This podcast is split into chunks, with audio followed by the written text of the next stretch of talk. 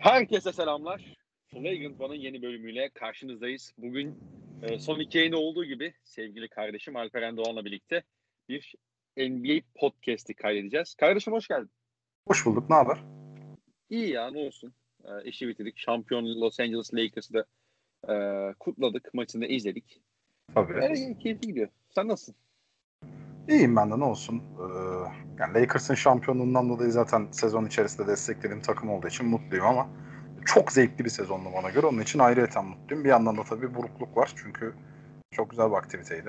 Yani bu senenin playoff'ları özellikle e, Bubble'dan sonra normal sezonun son maçlarıyla birlikte apayrı keyifliydi. Bence son yıllarda en çok zevk aldığım sezon olabilir. Ee, tam bu noktada sana, tam bu noktada sana şeyi sorarak başlayayım o zaman. Ee, bu arada Lakers'ın öyle ki kazanacağını yayınlarda söylemiştik. evet. Evet hatta Lakers'ın, hatta Lakers'ın e, Howard'dan kurtulduğu an uçak olacağını da söylemiştik ki oldu. Aynen öyle. Aynen öyle. Biz Rondo diyorduk. Caruso çıktı. Yani biz Rondo başlayacak demiyorduk ama yani o kısa beşte Rondo'yu niye görmüyorduk falan dedik ki Kral son maçta da yani 19 sayısını attı. İkinci çeyrekte özellikle o serideki baş aktörlerden biriydi. Caruso da iyi bir katkı verdi tabii. Tabii tabii. Yani ben... ronda, ronda atmaya başladıktan sonra Morris falan atmaya başladı zaten. Kilidi açan adam oldu. Ya şeyden de zaten hani üstüne değinmiştik. Rondo'yu o kadar ona boş birazdan girsek olur mu ya? Efendim? Çünkü ben ona birazdan girsek olur mu? Çünkü başka bir olur, şey sorarak başlamak istiyorum ben. Olur olur olur. Ee, abi bubble tecrübesi nasıldı sence? O bubble ortamını tecrübe etmek nasıl, nasıldı sence? Ya şöyle söyleyeyim oyuncular için biraz delirtici olabilir aslında. Çünkü e, yani bu iş, tabii tabii yani bu iş sadece şey değil. Hani aileden uzak olma, işte sevdiklerini göreme gibi bir olay değil. Yani nihayetinde hani mini bir hapis gibi bir şey. Yani sen sarayda da olsan işte Escobar'ın bir zamanında bir sözü vardı. Hani en güzel evlerde oturuyorum ama evimden dışarı çıkamadığım için hapiste hissediyorum diye. Ee, yani mükemmel bir ortamda da olsan her türlü hizmet senin ayağına da gelse nihayetinde bu adamlar özgürlüğüne düşkün ve çok da alışmış insanlar. Böyle bir ortamda gerçekten hani psikolojinin bozulmadan kendini işine vermek zor. Hatta işte Scottie Pippen'ın hani bu ortam oyuncuları çok kolaylaştırıyor gibi sözü var. Tabii hani Scottie Pippen diyorsa illaki bildiği vardır ama ben çok katılmıyorum kendi görüşümde. E, tam aksine ben oyuncular için daha zorlayıcı olduğunu düşünüyorum ki bu ortamı yaşayan insanların da demeçleri genelde buna e, fikren katılım gösteren demeçler. Ama organizasyon açısından NBA'in bana göre bu sezonki birçok saçmalığını unutturdu. Bu saçmalıklardan bir tanesi işte Kobe Bryant'ın öldüğü gün maçların oynanmasıydı. Bir tanesi vakalar çıkmasına ve sahaya yansıyacağı belli olmasına rağmen oyunları oynatmaya devam ediyor. Bu tarz yanlışlarını, hatalarını ve marka değerini düşürenleri biraz unutturdu. Çünkü Bubble dünyada hiçbir yerde eşi benzeri görülmemiş şekilde başarılı işleyen bir süreç oldu ve yani tamamlanması çok zor bir sezonu tamamlamayı başardılar. Ve gerçekten çok keyifli maçlar izledik. Yani evet seyirci faktörünü çok özledik doğru ama e, seyircili dönemden bile daha zevkli maçlar izledik. Direkt olarak basketbol çarpışması izledik. Gerçekten takip etmesi çok ama çok keyifliydi. Ee, bu da şey sorabiliriz yani mesela sen Scottie Pippen referansı verdin ya az önce. Ee, Scottie Pippen belki de bunu kastediyor olmuş olabilir mi? Çünkü oyuncular Hani sen çok acayip maçlar izledin ya. Oyuncular genelde böyle çok hani ne attıysa girdi abi. İşte Cemal Murray'si, Donovan Mitchell'ı işte hani Tatum falan çok acayip performanslar sergiledi. Ee, hani hücum kalitesinin yukarı çıktığını gördük yani. Bu acaba seyircisiz ortam işte seyahat etmeme olsun, işte tek bir odada kalmak vesaire bunlar e, saha için olumlu dönmüş olabilir herhalde yani. Bilmiyorum sen ne düşünüyorsun? Belki de Pippen'ın kastettiği budur. Yani tam mutlaka, demeyi hatırlamıyorum ama. Tabii mutlaka budur ve mutlaka etkisi olur ama hani bu şekilde değerlendireceksek tam aksine. Playoff'lara girdikten sonra performansı anormal düşen oyunculardan da bahsedebiliriz ki sen George örneğini verdin. Tabii ki başka değişkenler de var ama hani Siakam da buna bir örnek. İşte Abi e, Siakam 4 ay yerine top almamış ya. Ya öyle öyle. Hayır onları konuşacağız. Yani hepsini konuşacağız. Yani Yanis'ini konuşacağız, Siakam'ını konuşacağız falan. Yani hepsine değineceğiz. Başka sebepleri de var. Siakam'ın sadece eline top almaması da değil. Ama hani normalde beklediğim performansın altında aldığın oyuncular da oldu. Ee, o yüzden hani buna iki pencereden de bakıldığında ben direkt olarak doğru ve ya direkt olarak yanlış diye lanse edilebilecek bir şey çıkacağını düşünmüyorum. Görüş farklılığı. Ben Bubble'ın evet belki saha içerisinde kendini bunu adapte edebilen oyuncular için daha büyük bir rahatlık olabilir ama saha dışında e, oyuncular için çok zorlayıcı olduğunu düşünüyorum. Hı hı. Ama e, yani neticesinde biz izleyenler olarak tabii ki daha çok saha ile ilgileneceğiz. Ortaya çıkarttığı ürün bambaşka bir üründü. Yani ben bir normal sezon sonunun dahi bu kadar zevkli, bu kadar heyecanlı olduğu bir dönem çok fazla hatırlamıyorum işin açığı. Yani en son sanırım 2016'nın son günüydü işte. Aynı gün Golden State rekor kırdı, San Antonio playoff rekoru kırdı ama bütün dünya Kobe'nin son maçını izledi gibi bir heyecan yaşamıştık. Bu sene tamamen stratejik bir heyecan vardı. Hatta e, yani sürecin sonunda playoff'a katılan son takım bileti için zannediyorum tarihte ilk kez ekstra maçlar oynandı. İşte Portland'ın e, bileti evet, aldı. Memphis. Tabii. Ve yani bütün bunlar apayrı bir keyif kattı bu sürece. Ben yani o açıdan NBA yönetiminin çok büyük bir sınavı verdiğini düşünüyorum. Ee, ya bir de hani sen işte bu bubble ortamının işte ne kadar işte o da oyuncuların hani oyuncular için zorlayıcı olabileceğinden bahsettim mesela. Ya bu noktada mesela LeBron James çok acayip bir şey yaptı abi bence. Ta- tamamen odağını işte sahaya verebilmek için mesela ailesini getirmedi biliyorsun. Aynen öyle. Mesela birçok insan tabii ki haliyle işte atıyorum hani Tatum'un işte oğlu var ya diyoruz. İşte onunla zaten sürekli işte FaceTime'dan falan görüşüyorlardı işte bunu Instagram'da vesaire paylaşıyorlardı. İşte onu getir işte atıyorum herkes neredeyse e, kendi ailesini getirirken mesela LeBron James dedi ki hayır abi ben kimseyi getirmiyorum. Benim burada yapacaklarım var. Muhtemelen hani o ailesini getirmesinin belki odağını kaybettirebileceğini düşündü. Belki ondan endişelenmiş olabilir. Mesela o, o da çok şey yani mental anlamda çok e, güçlü kalabilmenin ne kadar önemli olduğunu bize bir kez daha gösterdi herhalde. Tabii tabii. Yani çok zor bir karar zaten ki hani diğer oyuncuları da asla kızamazsın. Neden siz böyle bir şey yaptınız da kafanızı buraya verdiniz diye. Çünkü aile yani her şeyin önünde gelecek bir şey. Ee, insanlar aylardır, haftalardır görmüyor. Ee, tabii ki vakit geçirmek isteyecekler. Tabii ki yanlarında olsun isteyecekler. Hani bunun aksi bir karar vermek ki hani bizim bildiğimiz en azından medyaya yansıttığı kadarıyla LeBron'la aile ilişkileri de güçlü. Yani zordu ama hani böyle bir karar alabilmek de hele kendi bu yaşta ya ben yapacağımı yaptım gibi bir düşünceye girebilecek bir oyuncunun e, olduğu yaşta böyle bir karar almak tabii ki çok daha zor. Ama adam bu sene belki de bilemiyorum yani bundan sonrası ne olur. NBA'de şampiyonluk seviyesinde son misyonunun olduğu sezonu hem sağ hem sağ dışı müthiş şekilde yönetti ve sonunda da böyle getirdi. Ee, ya şey konusunda biraz tabii LeBron'u tanıyınca hani yaşı ne olursa olsun e, işte ben yapacağım yaptım mentalitesiyle hiçbir zaman sahada olmayacağını biliyorsun ya. Ya tabii ki. Hani başka bir oyuncu olsa belki dediklerin geçerli olabilirdi ama hı hı. hani LeBron olunca söz konusu hakikaten çok e, bahsettiğin faktörler çok devreye girmiyor ya. Hani, ya bu iş artık biraz şeye vuruldu. Hani mizah malzemesi oldu. Bu arada LeBron'un 35 yaşında olduğunu söylemeyi unuttum falan gibi ama bu adam gerçekten 35 yaşında birinci adam olarak vura vura şampiyon oldu. Örneği yoksa bunu dile getireceksin. Getirmekten de gocunmayacaksın. Çok başkaydı bu seneki performansı ki bunu destekleyecek şeyler de var zaten birazdan konuşuruz. Ee, buradan istersen Lakers'ın hani şampiyonluğu üzerinden de gidebiliriz, başlayabiliriz e, şeye. Tabii. Ya son e, ama şöyle istersen kısaca maçı konuşalım. Çok fazla bir şey yok aslında ama hani konuşabileceğimiz birkaç nokta var. Hani az önce sen de girmiştin ben sözünü kestim ama. Ee, ya 6. maçta işte Caruso'nun oyuna yani maça başlaması e, önemli bir fark önemli bir farklılıktı. Ki zaten hani Lakers'ın kısalması gerektiğini konuşmuştuk seninle de. Evet. Ki hani bizim konuşmamızın yanı sıra sonuç olarak çok görülebilen bir şeydi bu. Hı hı. Ee, bu da hani tabii ki e, Caruso'nun ilk beşe gelmesinin yanı sıra mesela Anthony Davis'in de e, Butler'ın üzerinde başlamadığını gördük. Yani Adebayo üzerinden başladı. Şimdi evet. normalde şöyle olur. Şimdi Adebayo birçok birçok alanda kendini ciddi bir tehdit haline getirdi. İşte handoff oyunu oynadıktan sonra işte içeri devrilip e, işte piken, o ikili oyun sonrasında bitirebiliyor. İşte alley tehdidi var. Ondan sonra orta mesafesini geliştirdi. Pota çevresini daha iyi bitiriyor vesaire. Ama Adebayo sakat abi. Evet Adebayo çok kötü durumda. Adebayo çok kötü durumda olduğu için e, Frank Vogel da herhalde şöyle düşündü. Yani ben Butler'ın karşısında bir tane işte fizikli kanat atayım işte LeBron James oldu bu. Zaman zaman Rondo'nun bile savunduğunu gördük. Ki hı hı. benim orada şaşırdığım noktalardan biri açık konuş yani bu şaşırmak mı diyeyim ya da işte biraz hani farklı bir şey bekliyordum. Butler'ın çok daha fazla pota dibine top almasını bekliyordum ben. Hı hı. Ama genelde işte yüz dönük hücum etmeye çalıştılar mesela o pozisyonlarda da. O biraz beni hani e, biraz garime gitti. Belki de hani Butler'ın artık onları dahi yapacak işte o fiziksel temas girecek gücü dahi yoktu bilemem. Yani çok yorgun gözüktü gerçi yani bana ama Ee, işte yeri geldi Kuzma kaldı işte Mark kaldı. LeBron genelde savundu zaten. Arkaya Anthony Davis'i koyunca Miami hakikaten hiçbir şey bulamadı yani. Doğru. Yani e, bunun yanında bir de şöyle bir şey var. Yani evet bu maçı aslında Lakers hani direkt olarak stratejik bir farklılık yapmış olmasına rağmen biraz Miami'nin durumu üzerinden değerlendirmek zannediyorum doğru olur. Çünkü fiziksel açıdan da mental açıdan da yani mental açıdan bir noktaya kadar e, o da ilk çeyrek.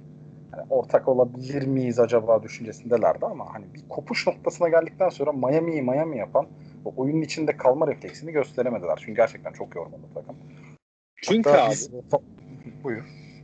Çünkü abi o maç içinde kalma refleksini gösteren adam genelde Butler oluyordu. Yani Butler işte o noktalarda çizgi, çok rahat çizgiye gidebiliyordu. Çok rahat istediği sahada istediği alana gidip oradan skor üretebiliyordu ya da işte servis yapabiliyordu. Butler olmayınca bu takıma sirayet ediyor abi. Yani Duncan Robinson'ı ben mesela mental anlamda ya da fiziksel anlamda inanılmaz yıprandığını düşünmüyorum.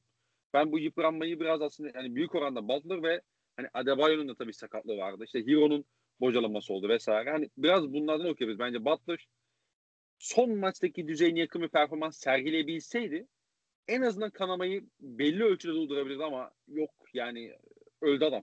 Hakikaten fiziksel anlamda, mental anlamda olmasa bile fiziksel anlamda bitmişti yani e, maç başında.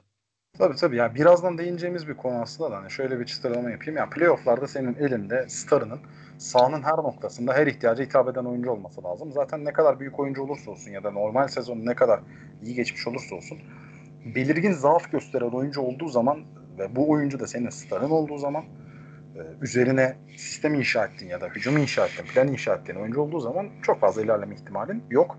E, Butler her şeyi verdi. Özellikle final serisinde her şeyi verdi. İşte her şeyi veremediği noktada da takım arkadaşlarının yani çünkü takım arkadaşlarını kendi seviyesine çeken adam Butler'dı. Takımı yukarı çeken takımı şampiyonluk için yarışır hale getiren adam Butler'dı final serisinde. Butler biraz geri düştüğünde diğer oyuncuların olumlu yönleri değil biraz daha zaaflar ortaya çıkıyor ister istemez. Dediğine %100 katılıyorum. Ama hani Butler da öyle bir seri oynuyor ki iki gün önce 47 dakika oynamışsın. Tam 48 saat olmadan bir maça daha çıkıyorsun. Yani hiç kolay değil neredeyse imkansız. Abi zaten belliydi yani o hani senle de yine yayında konuşmuştuk. Aa, maç sonu basın toplantısındaki işte yürüyemeyen hali bile çok net gösteriyordu bize yani bu adam bit, bitmiş. Pili bitmiş yani bu adam diyorduk. Ee, hani iki gün yani işte neredeyse iki tam iki güne değil gerçi de. Yani acaba yeterli olacak mı diye hani bir endişem vardı. Demek ki yetmemiş abi. Yani bir de işte bu fiziksel anlamda sana bahsettin işte az önce fiziksel anlamda o takımın düşmüş olması işte özellikle Butler'ın düşmüş olması işin mental anlamda da etkiliyor tabii. Yani fiziksel anlamda düştü zaten. Ee, buradan öte e, kaldıramayacağım ben bu şeyi diye düşünüp muhtemelen e, artık bu yükle değil belki de fiziksel yorgunluk mental yorgunluğa da geçmiş olabilir bilemiyorum. Ya, tabii ki öyle. Hani fiziksel yorgunluk bir yere kadar da... Heh, buyur. Evet, muhtemelen aynı şey söyleyeceğiz. Fiziksel yorgunlukla da e, aslında belli bir noktaya kadar götürebilirsin. İmkansız değil yani hani e, tabii ki çok daha zor. Tabii ki çok büyük efor gerekiyor ama şöyle bir şey var.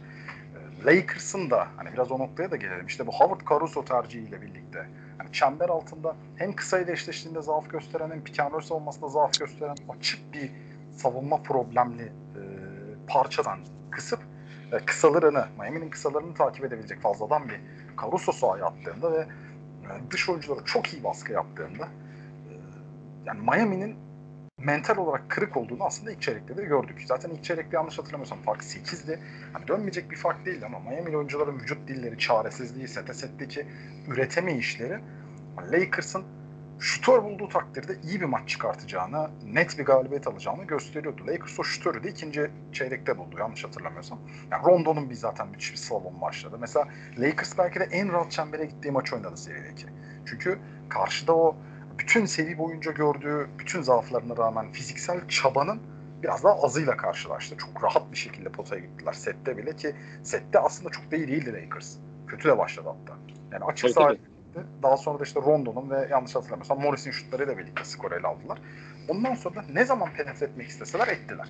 Yani Rondo ile ettiler. İşte LeBron'la ettiler. Bir pozisyon Davis'le ettiler. Yani Morris'e bile mesela çember altında sırt top aldırıp bir iki tane faal çıkarttılar ki yani Morris bunu yapabilecek bir oyuncu değil normalde. Ee, o yüzden Abi Miami... Lakers'ın ilk yarıda 34 olması lazım. Boyalı alan sayısı var ya. Tabii yani. Ki e, herhalde Ve Miami çok fazla toplam... canlı top kaybı ürettiler bu arada. Tabii, tabii. çok etkili oldu tabii. Aynen öyle yani. Lakers'ın boyalı alan sayısı muhtemelen Miami'nin toplam sayısı ya eşittir ya da 2 sayı 3 sayı oynanır yani. Hı hı.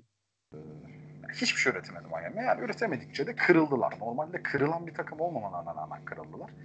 Çünkü vücut kaldırmıyor. Vücut kafaya o direnci vermiyor. Belki Lakers o şutörleri bulmasa ne bileyim işte hani Rondo o topları kaçırsa ve Miami bir iki tane fazladan açık sağ bulsa falan hani maçı bir şekilde yakın seviyede tutsalar bir noktaya getirebilirlerdi ama Lakers'ta hani özellikle o Caruso değişikliğiyle birlikte vurdu geçti. Yani hiç şans tanımadı. Ee, ya bir de burada bence birkaç nokta var. Bir hani sen işte Rondo'nun özellikle çok kolay bir şekilde potaya gitmesinden bahsettin abi. İlk yarı ya ilk çeyrek ve ikinci yani ilk yarıda işte 9 sayısı var galiba Rondo'nun. Yanlış hatırlamıyorsam. En azından maçın ilk yarısının bir noktasında 9 sayısı vardı. Bir üçlü vardı işte Forvet'ten. Evet. Üç defa da potaya gitti. Abi evet. benim hatırladığım iki tanesini çok net bir şekilde Butler'ın üzerine giderek buldu. Ve evet. o kadar kolay geçti ki Butler'ı. Hatta basket faul çıkarttı. Onu hatır, basket faul hatırlayamadım. Ama şeyi yani 3 üç, üç tane turnikesi var zaten. Benim net hatırladığım iki tanesi Butler'ın üzerine belki üçüncüsü de Butler üzerine olabilir bilemiyorum. Ben üç tane hatırlıyorum orada evet. Ha, o, o zaman işte üç tanesi Butler üzerinden çok rahat bir şekilde potaya giderek hem bir birebir kolay geçiriyor Miami orada hem arkada e, onu kapatacak başka bir şey yok. Hani rotasyon yok. Kaleci yok. Ve hani hal böyleyken orada anlıyorsun işte yani hem hem fiziksel hem mental anlamdaki yorgunluklarını. Çünkü böyle anlarda işte atıyorum örnek veriyorum işte Butler geçirdi diyelim. Arkadan tamamen sallıyorum şu anda. Duncan Robinson'ın yardımcı olması getirdi ve bir hücum faal aldı. Hı hı. O mesela sana güç verebilir. İt, itecek güç olabilir. Yani ne bileyim işte Butler orada bir blok yapar ne bileyim ya da işte bir top çalıp kolay sayı bulur. O bir anda sana böyle belki 2 dakikalık, 3 dakikalık, belki işte 5 pozisyon, 6 pozisyonluk sana güç verebilir. Onları bile bulamadım yani mesela. Tabii. Böyle maçlarda hani bu seviyede, bu şekilde olan takımlar, bu mental seviyede, bu fiziksel yorgunluk olan takımlar bunlardan ekstra güç alır ki Butler özellikle. Hatırlarsan bir son maçtan sonra seninle konuştuğumuzda şey demiştik. Sayılmayan bir basket faulünden önce ve sonrası diye ayırmak lazım Jim Butler'ın dördüncü çeyreğinde demiştik. Evet, evet. Ee, mesela bu maçta da böyle bir böyle bir ortam hiç oluşmadı. Böyle bir pozisyon hiç oluşmadı yani. Ya biz senle e, iki yayındır konuşurken sürekli şöyle bir ifade kullanıyoruz. Diyoruz ki ya bu takımın starı zaten hani okey. Bu takımın kazanması için bunu genelde Lakers üzerinden söylüyoruz ama Miami için de geçer. Her takım için geçerli. Bu takımın kazanması için starından ziyade yan parçalarından katkı alması lazım diyoruz. Yani sürekli olarak tekrar ettiğimiz şey bu. Ama biz bunu söylerken takımın esas bir numaralı katkı vermesi gereken oyuncuların istikrarlı ve kaliteli katkı vereceğini varsayarak söylüyoruz. Hı hı. Öteki türlü bunun çok bir anlamı olmuyor. Yani baktığın zaman Adebayo 25 sayıyla bir maç bitiriyor. İşte Crowder e, çift taneye ulaşıyor. Efendime Hı-hı. söyleyeyim. İşte Kendrick Nunn kısa sürede yanlış hatırlamıyorsam 8 sayı 9 sayı üretiyor. Olinik atıyor falan ama Butler'ın durumu ortada. Hiro'nun çok kötü performansı ortada. Çok çok kötü oynadı. Hani sen bir esas yönlendiricilerine, esas dakikayı paylaştırdığın oyuncularından bir şey almadığın zaman ki bu sene mesela Lakers'ın kaybettiği çoğu maçta da LeBron eleştirisi yapılmasının sebebi buydu. Birazdan yani sanırım geliriz. Ee, hani bu şartlarda senin oyun içerisinde tutunma gibi bir ihtimalin yok. Diğer oyuncular nasıl oynarsa oynasın. Kazanırken nasıl Butler üzerinden okuyorsak ağırlıklı olarak veya Hero üzerinden kaybederken de hem gösterdikleri performans hem maçın gidişatı itibariyle mecburen öyle okuyacağız. Ama hani bu direkt bir Butler'ın hatası mıdır? Yani bu seviyede hele ki daha önce bu seviyeye hiç çıkmamış bir oyuncu için ya bu adam bu seride ne oynayabilirse onu oynadı. Saygı duyarsın. Öyle öyle. Ki hatırlarsan mesela ee, son yayında mı? Abi Butler işte 35 attı. 35 sayılık triple double yaptı. Bir sene konuştuk dedik ki Butler 35 değil de iki orta mesafe daha az atıp 30 sayı atsa 31 sayı atsa Miami, Miami bu noktada olamayacak demiştik mesela hatırlarsan. Yani bak, çok mesela iki es, efsanevi performansın arkasında kazandı Miami mesela bu, bu seride. Tabii, tabii. Yani Butler'ın çok ufak bir düşüşü bile, %5'lik bir düşüşü bile yeterli olmayacaktı. Ki son maçta %5'in çok daha üzerinde bir düşüş yaşadı. Yüzde yüz öyle. Zaten hani ne kadar iyi oynarsa iki takım arasındaki güç farkının en önemli temsili bu. Lakers'ın rahat kazandığı belki 3 tane maç varken seride. En azından hani rahata yakın. Miami'nin kazandığı maçlar hep olağanüstü efor gösterdiği, yıldızının olağanüstü oynadığı ve takım olarak fiziksel anlamda çok yıprandığı maçlar oldu. Zaten hani bu Lakers'ı yenmek için bundan azı da çok mümkün değildi. Bunu da gördük de o maçları bile kazanamayabilirlerdi. Yani ciddi bir güç farkı vardı. Bu güç farkını da zaten iki yıldızından aldı Lakers. Ee, katılıyorum. Katılıyorum. Peki yani maçla alakalı bilmiyorum. Çok eklenecek bir şey kalmadı herhalde. Yok, yani, yani sadece, çok... şunu, sadece şunu söyleyebilirim. Ee, Davis ilk çeyrekte ikilemiş olması lazım abi yanlış hatırlamıyorsam. Evet. O da o da Markieff LeBron 4-5 oynadı ve hani mesela normalde Markieff'in 5 numara oynadığı dönemler ya işte tek 5 oynadığı dönemler genelde Lakers için çok iyi geçmiyordu özellikle şeyde e, playoff'larda aslında. Ama orayı mesela Lakers'ın artıyla geçmiş olması özellikle o top kayıplarından işte skor üretmeleri, Rondo'nun ge- kenardan geldikten sonra ciddi katkı vermesi vesaire. Hani e, o da çok önemli artıydı bence ki dikkat ettiysen Frank Vogel belli bir süre şeyi de almadı Davis'i. Tabii, iyi işledi takım. Tabii tabii iyi işle. Ya bunun iki tane sebebi var. Birincisi zaten Miami yani. Miami işleyemedi bunu. İkincisi tabii ki Lakers'ın eforu önemli de işte bu Morris gibi adamlar için iyi başlamak hani böyle eyvah yandım yine sorumlu benim psikolojisinden çıkarak başlamak bu Cedi'de de çok var. Ee, bundan çıkarak başlamak onları savunmada da yükseltiyor. İşte Morris, Green falan. Yani Morris mesela tek basketi var ama çok kritik bir noktada attı. Ve hani duruşu değişti sahada. Yüz ifadesi değişti. Savunmaya döndükten sonraki hani kendine güveni değişti. Çünkü hani böyle adamlar bunlar starların yanında küçük de olsa o katkıyı vermedikleri zaman sinen adamlar. Danny Green de keza öyle. Danny Green ilk çeyrekte mesela üst üste kaçırmasına rağmen ilk şutunu yanlış hatırlamıyorsam pardon üçüncü şutunu soktu. Evet Ondan sadece. Aha, yani sokarak da devam etti. Fena da oynadı. Yani yanlış hatırlamıyorsam çift taneye çıkmış olması lazım. Hani bu tip adamların kendileri... Danny Green biraz farklı ama bu da bu arada. Tabii tabii yani o tabii daha tecrübeli buraları oynadı falan. Onları Ve, kenara koyuyorum. Karakter olarak. O, o şut atması gerektiğini biliyor ya. Aha. Mesela Morris öyle bir adam değil. Tabii tabii ama, ama o şutu kaldırıp atması gerektiğini farkında. Kaçırsa da denemek zorunda olması gerektiğini farkında. Tabii ki öyle ama hani bu oyuncular nihayetinde hücumda küçük de olsa, orta çaplı da olsa bir katkı verdiği zaman oyunun iki yönünde de kendisini daha da yukarı çekebilen adamlar. Mesela Caruso aman aman hani olağanüstü bir hücum performansı da oynadığı gibi bir şey diyemezsin ki bana göre iyi işlemesine rağmen ama Caruso'da şöyle bir fark var. E, maç başında kendisine rol biçildi. Yani maç başında onun üzerinden, onun varlığı üzerinden bir sistem değişti. E, bu da onu hücumda atsa da atmasa da konsantre tutmaya yetti. Zaten bu konuda çok fazla problem yaşayan bir oyuncu değil. Uzun vadeye bakıldığında. Yani bu anlamda yüksek kalması da Lakers'ın e, boyalı alanda hangi oyuncularla oynarsa oynasın zaten çok fazla problem yaşamamasını sağladı. Bir de hani dediğim gibi Miami o kadar dahil edemedi ki kendini maçın içine. Hı hı. E, yani Lakers'ın işini kolaylaştırdılar. Ee, aslında sen orada güzel bir noktaya parmak bastın abi. Bence hani Caruso özelinde hani kendisine bir rol biçildi diye. Ee, Lakers'ın herhalde bütün hikaye yani hikayesi demeyeyim de bu sezonki Lakers'ı anlatırsak herhalde e, her oyuncunun kendisi biçilen rolde çok iyi performans göstermesinden ve o rolün olabildiğince dışına çıkmamasından anlatabiliriz herhalde bu sezonki Lakers'ı ya. Ya tabii ki öyle. Çünkü bunu yapmak zorundalar. Bunun yapılmadığı her senaryoda Lakers sezon ayak kırıklığı olacaktı. Şimdi o kısma geldiysek yani Lakers'ın sezon değerlendirmesine geldiysek senin dediğin de dahil ederek söylemek istediğim bir iki şey var. Tabii ki. Ee, şimdi birincisi bu takımın yıldızlarının bir an olsun düşmesi gibi bir şey söz konusu değildi. Bu takımın yıldızlarının düşmesi demek yani birazcık zaaf göstermesi demek bu takımın hedeften dışarı çıkması demekti. Nedir bu? Şimdi Lakers ilk maçını kaybetti. İlk maçı hedef maçtı. Clippers maçıydı ve LeBron kötü oynadı. Kötü attı. Hı hı. Sonra üst üste 7 galibiyet aldı ve bir başka hedef maça çıktı. Son şampiyon Toronto'ya karşı. Yine kaybetti. Ve LeBron yine kötü attı. Yani Clippers maçında işte 19'daydı şu an önümde açık. 18 sayı atan LeBron Raptors'la karşı 15'te e, 5 ile oynamış. 13 sayıyla oynamış. İyi bir asist performansı göstermesine rağmen şut yüzdesi çok kötü. Ki Daha bayağı sonra, kötü kaybetmişti Lakers o maçı da. Tabii tabii çok kötü kaybettiler. Daha sonrasında hani uzun bir galibiyet serisinin ardından bu sefer işte e, Doncic'e karşı bir maça çıkıyorlar.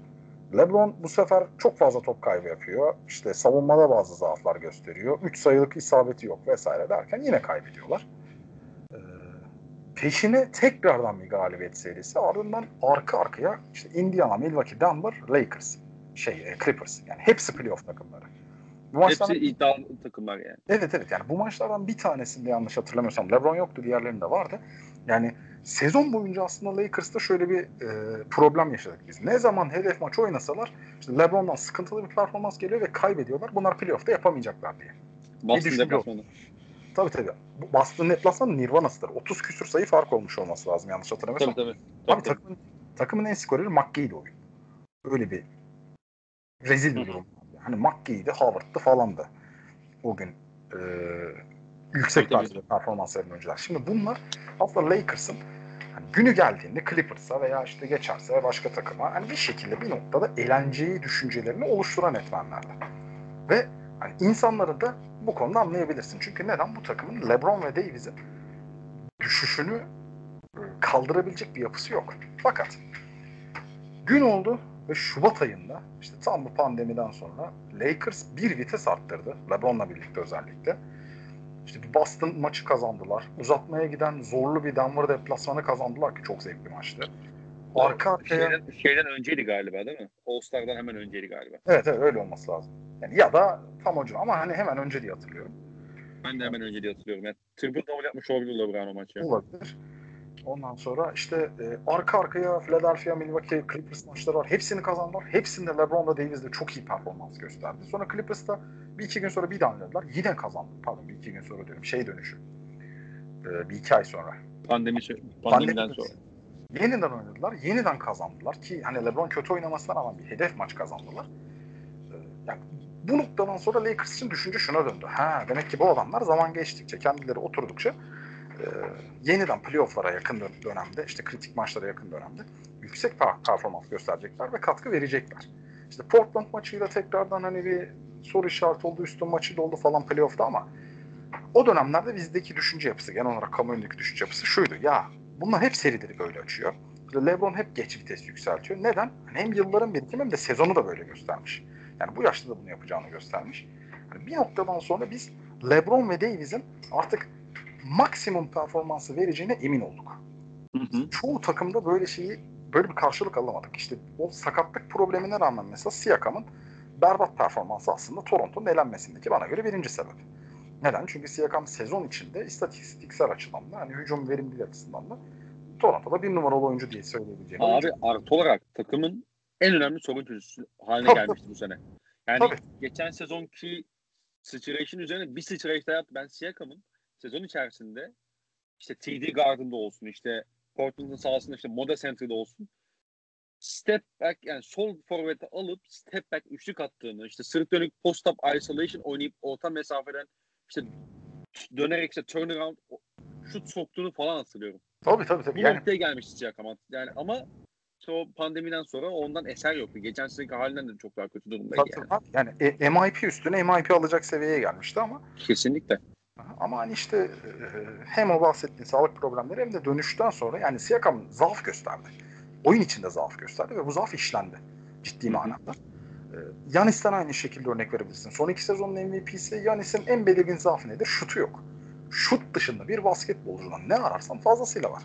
Yani kulaç uzunluğu dersin, savunma tehdidi dersin, işte atletizm, açık alan hızı, e, sırtı dönük, yani her şey var. Oyun motoru. Her şey aynen öyle oyunun sürekli içinde olabilir. Ama bu adam kendi şutunu yaratamadı. Ve bunu kullanarak Miami neredeyse süpürüyordu. Yani bu adamlar zaaf gösteriyor. Yani sakatlanmasa süpürecekti belki de. Belki de aynen öyle. Yani sakatlandıktan sonra haktı kazandığı maçta baksın. Tabii. İşte hani bu alanda şu önemli. Şimdi LeBron ve Davis gibi oyuncular özellikle playoff'ta sezon boyunca e, özellikle sezonun son dönemlerine doğru sıkıntılı şut atan ve playoff'ların başında sıkıntılı şut atan bir Lakers'ın şut ritmini de yukarı çıkarttılar ki hani mesela LeBron'u ilk olarak şutu üzerinden anlatmaz. Deli gibi şut attı. Orada zaaf göstermedi. Ee, hani Ve güç zaaf fizik... göstermemesinin şöyle bir durumu da var abi sözünü kestim ama Lakers evet işte Danny Green, KCP bu adamlar şutu bilen oyuncular ama inanın yani Danny Green Spurs dönemindeki işte özellikle o 2012-2013 yıllarındaki keskinliğinde değil. Öyle bir tehdit oluşturmayan. Duncan Robinson gibi tehdit oluşturmayan nihayetinde işte bir Clay Thompson gibi. Yani Green herhangi bir şeyin keskinliğinde değil. Çok kötü attı. Yüzde 23 falan da işte şey olduğunda hani final maçına çıkmadan önce son dönem yüzdesi. Ya ha işte işte KCP evet iyi şutör ama hani böyle e, ne derler işte yani uykularını kaçırmaz yani işte atıyorum bir aması var. Aynen öyle. Aması var yani. KCP var karşıda diye eyvah demezsin. Tabii. Ee, o yüzden mesela LeBron'un mesela bir de kötü şut attığını düşün abi. Tabii. Yani zaten yıllardır yani birçok takım yani tabii inanılmaz daha yani bir durum değil bu yani. Sonuçta kötü şut olan şey şutu kötü olan oyuncunun perdenin altına geçersin ve şut atmayı zorlarsın. Birçok takım mesela normalde LeBron'un şutörü olmaya işte skoru olmaya zorlardı mesela. Ama sen artık onu verdiğin zaman o kadar net cezalandırıyor ki. Tabii. Onu da veremiyorsun yani. Ve Lakers, bu Lakers takımında özellikle öyle bir LeBron'un olmaması lazım. Yani o skorer kimliğini ön plana çıkarması gerekiyordu. Yoksa soğumaya açam, açamayacaktı belki de Lakers. Yarısına daha da tıkanacaktı yani. Yani bu anlamda da mesela performansları çok değerli. Davis için de öyle abi. Davis de dışarı çıktı attı, içeri devrildi, attı, her türlü attı. Her noktadan attı, her noktadan tehdit oldu ve bunu bir istikrara döktü. Yani Davis maça 5'te 1 başlıyor. Maç sonu bir bakıyorsun, şöyle bir yorum yapıyorsun kendi kendine. Bunu yaparken buluyorsun. Abi Davis inanılmaz bir yüzdeyle attı. Ama 5'te 1 başlamış maçı. Ne oluyor? Tekrardan giriyor. Atıyor. Hem de büyük çoğunluğu potadan uzak olan atışlar da yapıyor gerektiğinde. Artı olarak mesela Davis hani e, Davis hakkında mesela şunu da söyleyebilirsin abi. Mesela az önce işte Portland serisi, Houston serisi bu takımın serilere geç girmesinden bahsettin ya. Evet. Abi Anthony Davis mesela sürekli her seride yani işte bir hani o kaybedilen maçından o kadar şey döndü ki seriye. Tabii tabii tabii. İnanılmaz yırtıcı döndü ki. Yani mesela herkes şey yapıyordu böyle. İlk maçtan sonra abi PJ Tucker'da ne durdurdu be şeyi. Anthony tabii, Davis'i. Abi hiç izin vermedi. işte üzerinden skoru bulamadı falan. İkinci maç bir başladı. Anthony Davis dedi ki PJ Tucker mı savunuyor beni? Ha, gel gel. Gel, gel aynen. Ya abi de, mesela Davis karakterindeki adamlar üst üste iki mağlubiyeti tahammülü olmayan ve bunu performansıyla ortaya koyan adamlar. Ve e, bundan sizde bir tane daha var hem de atası var. LeBron var. Hani kadronun bütün o sıkıntılı yapısına rağmen bu iki oyuncunun sürekli yüksek seviyede kalması ki hani şu da bir hem şans hem başarı bu adamlar sakatlanmadı da. Ne oldu? En fazla yaşadıkları problem LeBron sene içinde bir maç mı iki maç mı ne kaçırdı? Bir de Davis'in 5. maçtaki durum var. Davis döndü 6. maçta gene canavar gibi oynadı. Yani bu, mesela Adebayo'nun yaşadığı, Dragic'in yaşadığı gibi bir durum yaşamadılar ya da Siakam'ın yaşadığı gibi. Bu bir noktada... Anthony Davis genelde bu, bunun üzerine çok eleştirilirdi. Tabii tabii tabii. Yani bu bir noktada Haklıydı şans. Haklıydı bu arada yani eleştirenler de bence de. Tabii ki haklılar canım. Bu bir noktada şans, bir noktada da takdir edilesi bir durum. İki starınız bu kadar yüksek seviyede olduğu zaman yani insanlar doğal olarak şuna odaklanıyor. Ya kardeşim senin içinde bu adamlar bu maçlarda sıkıntı yaşadı tamam. İşte şurada düşüş yaşadı tamam. Bir de sadece iki adamın olduğu takım tamam ama bu, bu iki adam hep yüksek seviyede kaldı. Ve en çok şans verdikleri takım Heat hiçbir seri 7. maça gitmedi. Tabii. Tabii. Çok ee, net bir şampiyonluk aldı. Buna katılıyorum abi kesinlikle. Net bir şampiyonluk aldı ama şöyle bir soru sorabiliriz yani. Lakers dile getirildiği gibi kolay bir şampiyonluk mu kazandı sence? Ben çok yani o görüşlere katılmıyorum. Yani insanların neden bu görüşleri sunduğunu anlayabiliyorum. İşte e, Clippers yoktu abi, Boston yoktu abi falan filan da yani bu takımları eleyenler vardı karşılarında. E, e, e, olsalardı değil mi? Gelseydi Clippers geleydi yani. Denver 3 biraz seri vermeseydi yani. Clippers'ın gelmemiş olması Lakers'ın ya da LeBron'un problemi değil. Bu arada mikrofonu vurdum galiba kusura bakma. Tabii yok sıkıntı yok sıkıntı yok. Ha, geliyor değil mi ses? Geliyor geliyor. Tamam yani bir yani. şaka bir şakamı yapmama izin vermemiş oldum bu şekilde. Momentumu kaybettiğim şakada ama. Teşekkür ederim. Hassasiyet gösterdiğin için. Abi şöyle. yani mesela Clippers'ta ne diyorsun? Bir yönlendiricisi yoktu. İşte Leonard ve Paul George da iyi oynamadı. Neden iyi oynamadı? Bu yüzden oynamadı. E, tamam LeBron yönlendirici de olmuş. Yani Leonard ve Paul George'a yazamadığın şeyi LeBron'a yazabilmişsin. Ya da Boston yoktu. Neden abi? İşte hani birçok maçın kritik alan savunması hücum edemediler mesela. Evet alan savunması hücum ettiler. Lakers LeBron ettiği için ikinci maç sonra vazgeçti Spolstra. Aynen öyle. LeBron bunu etmiş, Davis etmiş. Hatta bir yerden sonra öyle bir noktaya gelmiş ki alan savunması yaptığında Miami eleştirir hale gelmişsin. İşte Bucks'ı şey yapıyorsun. Neden? Yani Bucks abi bir tane şut olmayan starın zaafı kapansın diye her pozisyonu şutör attılar. Pivot dahil. Her pozisyonu şutör attılar. Her pozisyonu şutör atmış halleriyle bir tane starın şutu, şutunun olmaması Miami savunmasına karşı, aynı şekilde Miami'nin alan savunmasına karşı. Problem Ve topu, topu domine etmesi gereken bir oyuncunun şut olmaması tabii. Yani büyük oranda topu yönlendirecek oyuncunun şutu yoktu. E LeBron şutu da attı. Davis şutu da attı. Yani bu, bu adamların problemi değil ki. Bunları yapamayan oyuncuları durdurabilmiş takımlarla karşılaştılar. Öyle. Öyle. Ve hani süperstarı olmayan bir takım diye bir şey zaten kalmadı da üst perdeden süperstar olmayan bir takım denk gelmedi hiç. Yani Dame Time dedim ilk turda. İşte James Harden da tamam hani Harden'ı bir kenara koyuyorum. Senelerdir Üstan'ın playofflarda yaşadığı problemler ortada da gene de Harden'dı bu adam. Efendime söyleyeyim işte işte bambaşka bir şey oynuyorlar. İşte beş kısa herkes dışarıda Westbrook'un performansı uçtu kaçtı vesaire. Aynen öyle. Çok ters gelecek Lakers'a.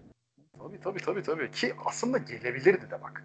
Gerçekten gelebilirdi. Bu, bu iki adam bu top oynamasaydı. Hı hı. Ondan sonra hani bakıyorsun son turda üst Hocam Rondo'yu da ayıp etmeyelim be.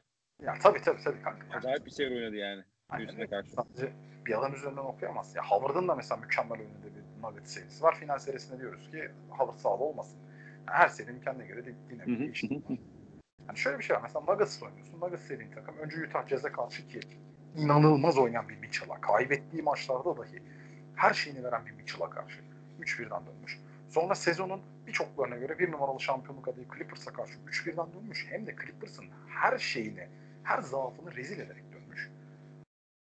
E bu karşı da Lakers hani bir tane her seride olabilecek artık o ritim düşürmeli mağlubiyet dışında şans vermedi. Yani en sıkıntılı maçı zaten Davis'in. Yine bak aynı şekilde Clippers'ın yapamadığını yapıp son topa getirip süperstarıyla bulduğu üçlükle kazandı Lakers. E şimdi bu takım bunları yapabiliyorsa şampiyonluğuna kolaydı veya karşısına rakip gelmedi gibi bir e, nasıl diyeyim tatsız bir argüman sunmak bence hoş değil. Yani mesela şu performansı gösteren Miami'ye karşı da kazanacak takım çok az. Ama sen Lakers Miami'yi yendin mi? Abi karşısında Miami vardı diyorsun. O Miami herkes yener. Yendi de. Abi mesela Tyler Hero çok eleştirildi final serisinde ki haklı bir şekilde eleştirildi yani hani. Ama mesela Tyler Hero'nun işte bir Boston serisindeki oyun olgunluğuyla e, Lakers serisindeki o oyun şuursuzluğu arasında ciddi bir fark var. Tabii ki. Bu farkı oluşturan e, yine Lakers. Yine Lakers. Yine LeBron. Yine Anthony Davis. Yani e, tamam tabii ki genç oyuncu olmasının etkileri oldu ve evet işte bir final oynuyor. E, sahaya işte LeBron çıkmasa bile orada LeBron'un ismi belli bir işte psikolojik anlamda üst, üstünlük getiriyor. E, LeBron olduğu takıma vesaire bunları anlıyorum ben. Ama bunlar Ama, bir yere Bu da bir yere kadar. Ama mesela işte baktığın zaman Tyler Hero neredeyse hiç yani o bir tane basket faalinden sonra böyle bir hani işte tough guy bakış atıyor ya böyle. Ki çok böyle. daha bu arada çirkin bir bakış yani. yani üçüncü maç olması lazım. Ya, o dürtüsünü anlayabiliyorum ama bakış hiç karizma değil. Ben beşinci maçta hatırlıyorum. Olabilir. Ben sanki yani neyse önemli yok, değil yok, o kadar. Üçlü, üçlü, tamam doğru üçlü. Ee, üçüncü maçta hani hiç oturmuyordu bana bakış onda. Abi Tabii. sen ne Sen yani el ayağı düzgün bir çocuksun yani. O bakış sen sen de olmuyor. Neyse o, o bakışı Jimmy Butler atsın yani. Sen atma. Ya o zaman da konuştuk. Bu hani çocuksu geliyor ama o zaman da demiştim. Bunu eleştirel bağlamda söylemiyorum. Yani hayatındaki ilk sezonda Lakers gibi takıma karşı bunu başarabilmiş olmanın hani o mutluluğunun ve özgüveninin dışa vurup bunlar olur. Bunlar her basketbolcuda olur. Yakışmıyor. Ha. Bence de çok çirkin Bak, ama olur. Yok hayır şunu söylüyorum. Mesela buna benzer bir bakış yok yani. Tyler Hero'nun işte Boston serisinde. Tabii tabii. 37 attığı maç var ya. 37 attığı maç koşa koşa kenara geliyor çak yapıyordu. Öyle öyle. Yani ve serini büyük oranda bitirdi maç. Yani dördüncü maç. 3-1'e getirmişti zaten. Hı hı. Hani bu oyun bu oyuncu işte inanılmaz olgun. Ben hayran kalmıştım mesela. Hero'yu zaten kolejde bir iki maçı izlediğimde dedim ki ya bu çocuk ulan düşer mi acaba bize falan hani hani beklentim var şey hayalim var beklentim yok diye drafta oturmuştum neyse. Sonra Miami'ye gitti tabii zaten de. İşte var ya bu çocuk evet bir oyuncu işte kazanma isteği, kazanma içgüdüsü var çocukta vesaire diyorsun ama mesela şey hani Bubble'daki o yaşadığı gelişim bambaşkaydı yani böyle çok acayip bir seviyeye gelmiş. İnanılmaz olgun işte sürekli doğru kararlar veren bir oyuncuydu. Final serisinde 180 derece değişti bu. Yani bunu aa işte şanssızlık diye açıklayamazsın abi. Aa final oyunda değil ayağına dolandı. Önceki de final. Abi Anthony Davis'in üzerine attığı bir tane floater var ya mesela. Evet. Seride. Adam sürekli o adam sürekli karşısında Anthony Davis görüyor mesela. Şut atacaksın öyle bir el gösteriyor ki Anthony Davis. Öyle bir caydırıcılığı var ki pot altında. Ya şunu diyorsun sürekli mesela. Saçma, sürekli saçma sapan şutlara kalkmak zorunda kalıyorsun. Ya kardeşim. Yani, ayarlarıyla oynadı yani. Tabii tabii. Yani kar, kardeşim karşında Davis var top kullanma. Ya o kullanmazsa kimse yok ki kullanacak. Karşında Daniel Tice yok yani. Şey, yani Davis var. Aynen öyle. Ki, ee, Daniel Tice buradaki iyimser örnek bir daha. evet, evet, evet, evet. Yani sahaya atmak zorunda kaldığı uzun yani şeyin e, Celtics'in. Aynen öyle. Tice iyi oyuncu bu arada. Ben seviyorum, beğeniyorum. Ben de ama işte ama işte hani bu noktada biraz işte yeterli kalmadığını görüyorsun abi. Ya en azından bu seviyede. İlk beş başlamaz. E, yani şampiyon olacak takımın ilk 5 5 numarası Tice ol, olmaz yani. Tabii. Onu görüyorsun işte. Alt limitten Adebayo, ideal limitten Davis diyorsun yani. Abi ya iyi bir Al Horford olsaydı mesela farklı konu. Ya da ya da ya da. E, geçen sezonki iki sene önceki Al Horford yani işte. Aynen öyle. Peki sence mesela bu şampiyonluğu hani işte herhangi bir şampiyonluktan ayıran işte belli başlı etmenler var mı bu bubble ortamında olması vesaire? Yani evet geçen de konuştuk. Bubble, e, LeBron'un direkt olarak kendisini Jordan'la kıyaslatabileceği bir şampiyonluk olması, tarihte ilk kez 3 farklı takımda finaller MVP'si olarak şampiyon olan oyuncu olması gibi birçok etmen var. Kobe'nin e, vefatından sonra gelmiş bir Lakers şampiyon olması etmeni var. Fakat ben yani birazdan da sanırım konu başlıklarımızdan bir tanesi o. Lakers adına ve e, NBA'ye bakış açısı adına çok şeyi değiştirebilecek ya da en azından hani değiştirmese bile farklı bir pencere açabilecek bir şampiyonluk olduğunu düşünüyorum. Buna birazdan geleceğim. Yani Lakers Celtics rekabetini sanırım konuşacağız birazdan. Ee, ama şu olabilir. Şimdi biz bu sene, sene başından beri diğer takımlarda var olmasına rağmen NBA'de sezonun hikayesini LeBron üzerine çizdik. Hem kamuoyu bunu yaptı hem biz basketbol severler bunu yaptık. Yani bu sene kim şampiyon olacak sorusundan çok LeBron bu sene şampiyon olabilecek mi sorusunu sorduk. Çünkü bu sene LeBron'un yarıştığı ya da herhangi bir süperstarın yarıştığı herhangi bir sene gibi değildi. Belki de LeBron'un şampiyonluk misyonu için iddialı olabileceği son seneydi.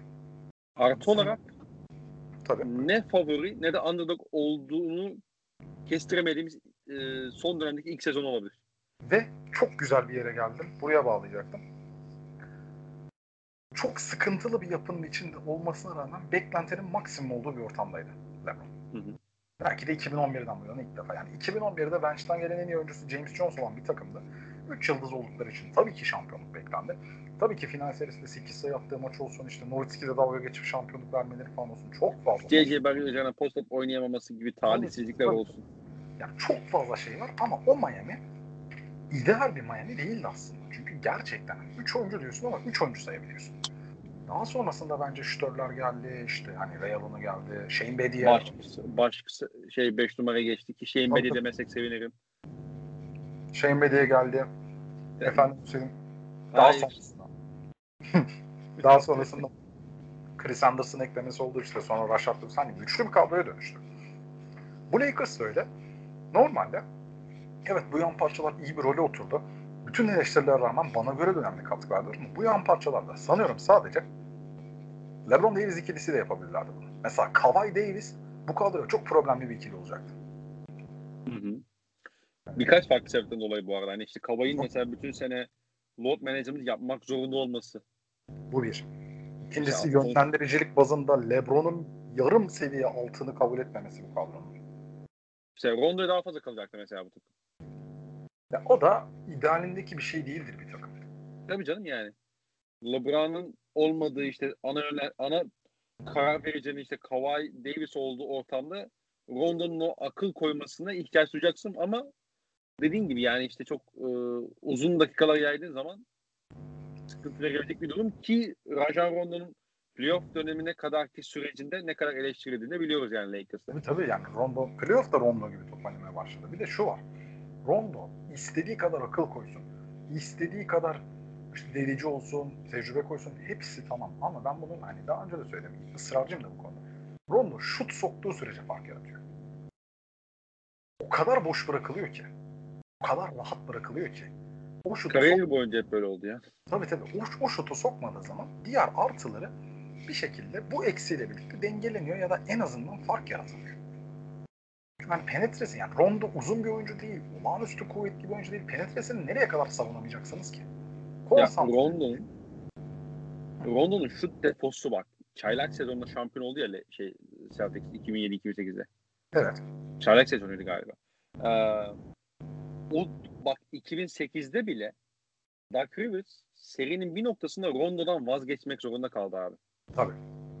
Yani Eddie House'u ilk beşe yani ilk beşi değil de sahaya atmak zorunda kaldı. Çünkü o kadar büyük defo yaratıyordu yani Rondo'nun şutun olmaması. 2020'ye geldik hala Rondo o zaman orta mesafe attığı zaman işte o soğumayı biraz daha açabiliyordu. Şu anda orta mesafesi yetmiyor yani. O 3 sayı atamadığı her maç her kaçı düşükten sonra rakip savunmayı biraz daha içe gömmemiz e, yardımcı oluyor yani. Çünkü abi NBA'de artık 3 sayı atamayan oyuncunun orta mesafe tehdidi diye bir şey kalmadı. Orta mesafe şunda değerli. Senin 3 sayın çok iyidir ve 3 sayına ağır önlemler geliyordur. Gerekirse bir adım içeri atmana izin veriyorlardır. İçeri atıp orta mesafede sokuyorsan değerlidir. Bakın Chris Paul. Tabii tabii aynen öyle. Yani artık 3 sayı çizgisinin bir adım içinde çok iyiyim ama bir adım gerisinde kötüyüm yani. Ha, Lamarcus Aldridge de bir örneği mesela. Lamarcus Aldridge kaç yaşından sonra dışarıdan atmaya başladı ve o Aldridge işte atıyor dedik ki şunu 5 sene önce yapsaydı çok başka olacaktı her şey. Tabii tabii. Özellikle bu sene nihayet böyle şut atmaya kalktı kral. Tabii tabii ve attı da yani. Bir adım geri çekildi sadece. Çok şey değiştirdi. Öyle öyle. öyle. Velhasıl yani var mı daha eklemek istediğim şey? Ya bu başlıkta hayır. Teşekkür ederim. Senin ee, burada farklı veya e, destekleyici bir yorum olacak. Ya işin gerçeği bu konu üzerinde çok fazla düşünmemiştim yayından önce. Ama ben senin yerinizi söylemiştim. Bizim fikirlerimiz dedi. Tabii tabii yani e, sen, sen de biz biliyorsun genelde ortak noktada buluşuruz. Aynen öyle. E, ama yani şeyi de söyleyebiliriz tabii. Yani abi Şimdi sen az önce de bahsettin ya işte bubble ortamının ne kadar e, sorun yaratabileceğini, işte psikolojik anlamda, mental anlamda oyuncuları ne kadar etkileyebileceğini bahsettin ya sen. Ya ben bunda bu arada hani biraz da oyuncuların demeçlerinden güç alarak söylüyorum. Abi Paul George direkt benim mental sıkıntılarım vardır yani. Gibi. Depresyondayım dedi abi adam. De, belki Paul depresyona girmesi için bubble'a da pek ihtiyacı yok ama neyse. Bu arada ee, şunu dur dur. Ee, hemen bitti sandım özür dilerim. Az sonra bir şey daha ekleyeceğim.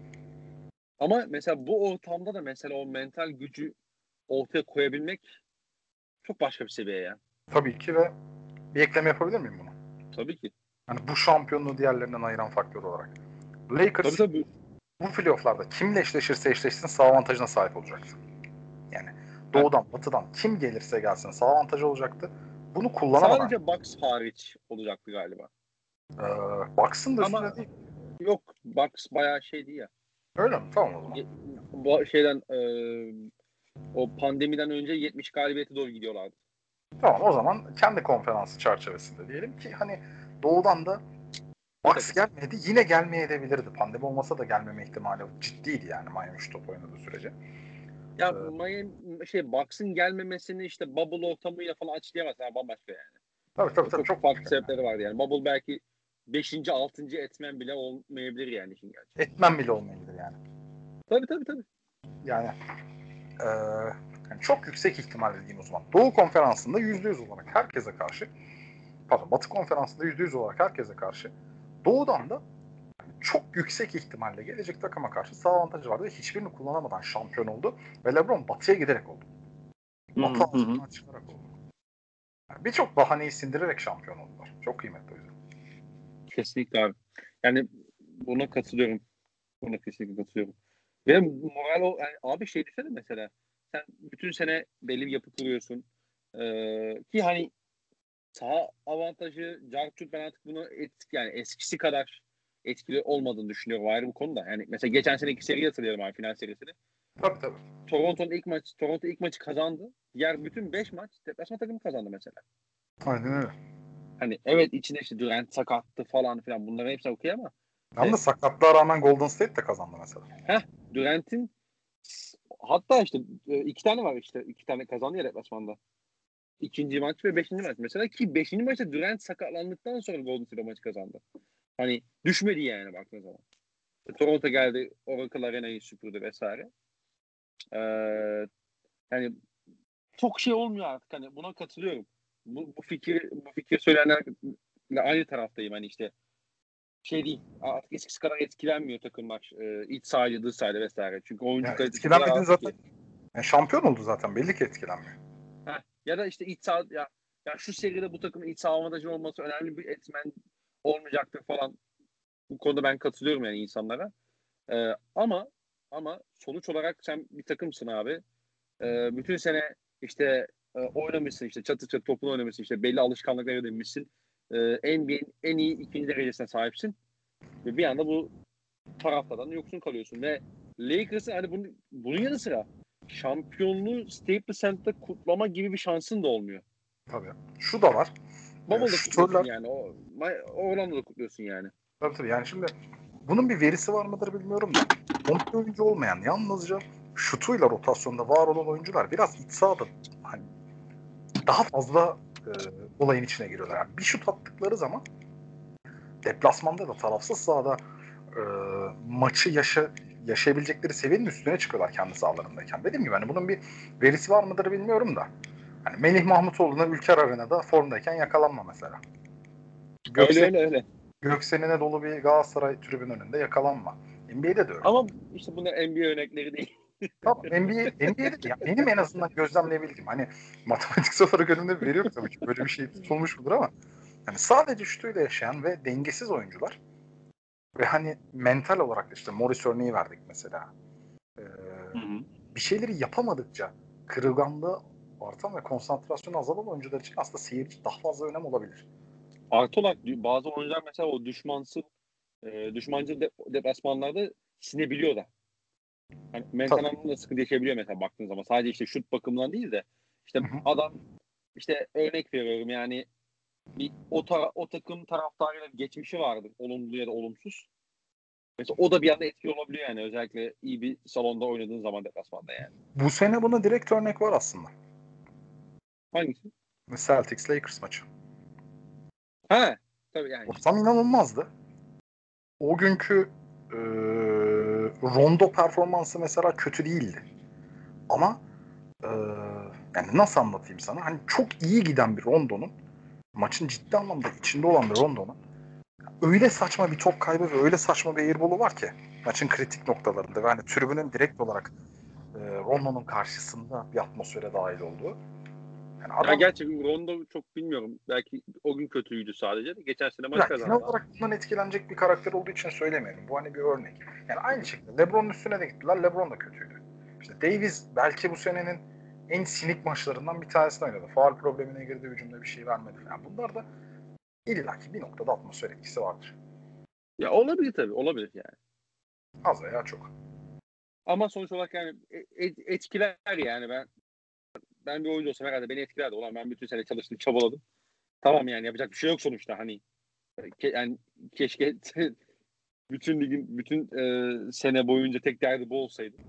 Hani sağ avantajına sahip olmamak olsaydı. Ama etkiler diye düşünüyorum yani sonuç olarak.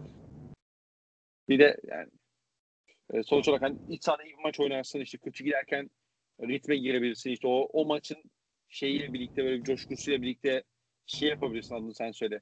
Ya bunu ee, diğer şeylere taşıyabilirsin vesaire. Ondan da pek faydalanamadı yani. O, evet belki ufak da olsa bir yani, etmen olmuş olabilir. Tabii. Ee, başka ne? Lakers Celtics konusuna değindik. Hani o da işte bu sezonki işte maçlardan bahsettik zaten. Hani peki bu serinin şey oldu mu? Hani Lakers'ın şampiyonluğu kazanıp işte evet işte Minneapolis gerçeği de var hani Lakers'ın ama e, yine de sonuç olarak galibiyet sayıları eşitlendi. Dördüncü yıldıza bakalım ilk kim takacak onu merak ediyoruz. Loading. Neyse. Evet. Boston Celtics'ti bu bu arada. yeni sezon loading diye. ee, şey ya bu rekabete sence bir etkisi oldu mu bu olası şamp bu Lakers şampiyonluğu? Ya şimdi burada ben senin fikirlerini de çok merak ediyorum çünkü bu yani iki takımın şampiyonluk sayısı eşit olduğu için yani direkt olarak bir numaralı kıstasın zaten fark yarattığı bir konu değil yani subjektif yorumlara kalır ama ben sana meramla şöyle anlatayım. Şimdi ben bir iki sene önce sporda ikinciliğin, üçüncülüğün, dördüncülüğün de e, şampiyonluk kadar veya en azından şampiyonluğa yakın düzeyde değer görmesi gerektiğini fark ettim. Eskiden şampiyon olmadıysan hiçsin düşüncesi vardı bende. Bundan kurtuldum. Ama e, yani şöyle bir şey var. Yani şu anda Boston Celtics mesela birkaç senedir bir yapılanma içerisinde. Seneler önce elde ettiği takas haklarıyla vesaire. Abi Lakers 2016 yılına kadar e, 2010-2016 arası büyük oranda hatalı yönetim kararlarıyla ama Kobe'nin basketbolu bıraktığı günü bekleyerek yani Kobe'nin de onlara sunduklarına saygı göstererek yapılanma için biraz onu bekledi. Hı hı. 2016 yılından sadece iki sene sonra Lakers LeBron'u elde etti. Ve geldiğimiz noktada mesela Celtics'in senelerdir yaptığı planlama, kurduğu çok iyi bir çekirdek. Belki uzun vadede daha çok şey elde edecek. Buna da katılıyorum. Çünkü elinde Tatum'u var, Brown'u var, Smart'ı var, var oğlu var. Ama abi Lakers çok fazla sıkıntılı kontrattan çıktığı ve aslında çok da kendisini şampiyonluk seviyesine taşıyacak gençler elde etmediği, hatta o gençleri çıkarttığı, direkt elinden çıkarttığı bir yapı sonrası 2 sene sonra LeBron'a kavuştu, 4 sene sonra şampiyon oldu. Ben bunun farklı bir büyüklük göstergesi olduğunu düşünüyorum. Akla mantığa e, teorik olarak çok sığmasa da pratiğe geldiğinde yansıyabiliyor. Şimdi bunu da şöyle ifade edeyim. Lakers'ın bu sene 73. senesi dolmuş kuruluşundan itibaren. 47'de kuruldu. Bilinen, hı hı. illere dolaşan 3 tane duraklaması var bu takımın. Biri 73-79 arası. Biri 91-96 arası. Diğeri de 2016-2018 arası 2 sene. 6 sene, 5 sene, 2 sene, 13 sene. Bu 13 senenin dışında Lakers şampiyon olsa da olamasa da ya yıldıza sahip olmuş ya gösteriş, ya büyük oranda yıldıza sahip olmuş. Hep Spotlight'ın kendisine çevrildiği takım olmuş. George Michael, Jim Pollock'larla başlamış 50'lerde. 50'lerin sonunda Elgin Baylor, 60'ların başında Jerry West, 70'lerin başında Wilt başlıyor. Sonunda hani Wilt'le 73'e kadar gidiyorsun. O 79'a kadar duraksama dönemi. Sonra 79'da Karim Abdul-Jabbar, Magic Johnson. Hem Abdul-Jabbar hem Magic beraber. Ki bunların sonunu da partnerlik eden bir James Worthy var bu arada. Tabii tabii. Şimdi tekrar bir duraksama 96'da elde ettiğin iki adam Shaq ve Kobe. Shaq, Jordan bıraktığı andan itibaren ligin en dominant oyuncusu. Kobe, Shaq gittiği andan itibaren ligin en dominant oyuncusu.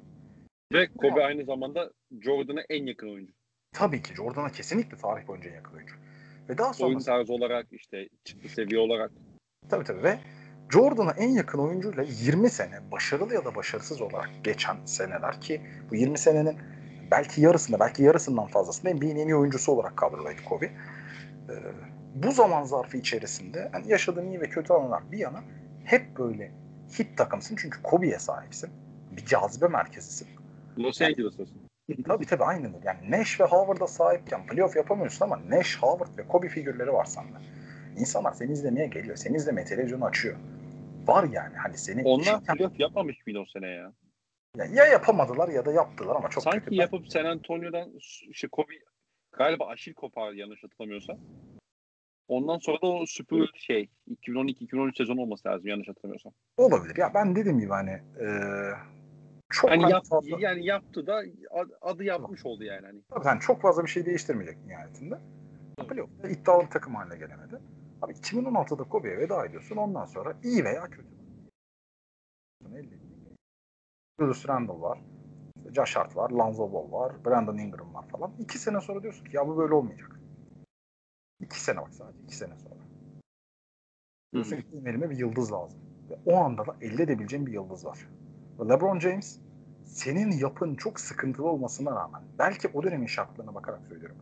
Kendisine çok daha hedefte olabileceği takımlardan e, ilgi gelmesine rağmen koşa koşa Los Angeles'a gitti. O cazibeyi tercih etti. Ben LeBron aldım. İlk sene playoff yapamadım. İkinci sene bütün yapılanmandan vazgeçtim. Dediğim gibi iyidir veya kötüdür.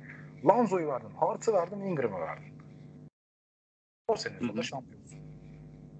Bu bambaşka bir şey. Bu bana göre hani dediğim gibi bakın büyüklüğü her açıdan ele alabilirsiniz. Farklı düşünebilirsiniz ama NBA'in her döneminde böyle 5 senelik, 6 senelik bir de 2 senelik küçük bir dönem dışında sürekli cazibe merkezi olmak, sürekli yıldızların adresi olmak ve bunu hani modern zamanlarla da taşlandırabilmek bana göre çok başka bir büyüklük göstergesi. Ben o yüzden bir yarım tık önüne koyuyorum Lakers'ı Celtics'in. Bilmiyorum sen ne düşünürsün? Abi şöyle bir durum var bence Lakers'la alakalı. Sonuç olarak abi Los Angeles takımı. Yani lokasyonun o kadar büyük artısı var ki ya o, o pazarın.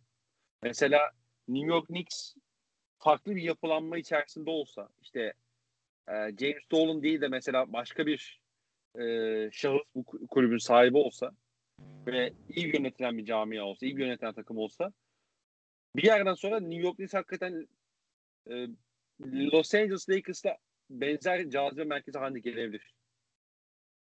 İşte o pazar sayesinde olsun, New York olması sayesinde vesaire. Boston'ın böyle bir sıkıntısı, Boston'ın böyle bir sıkıntı var bence.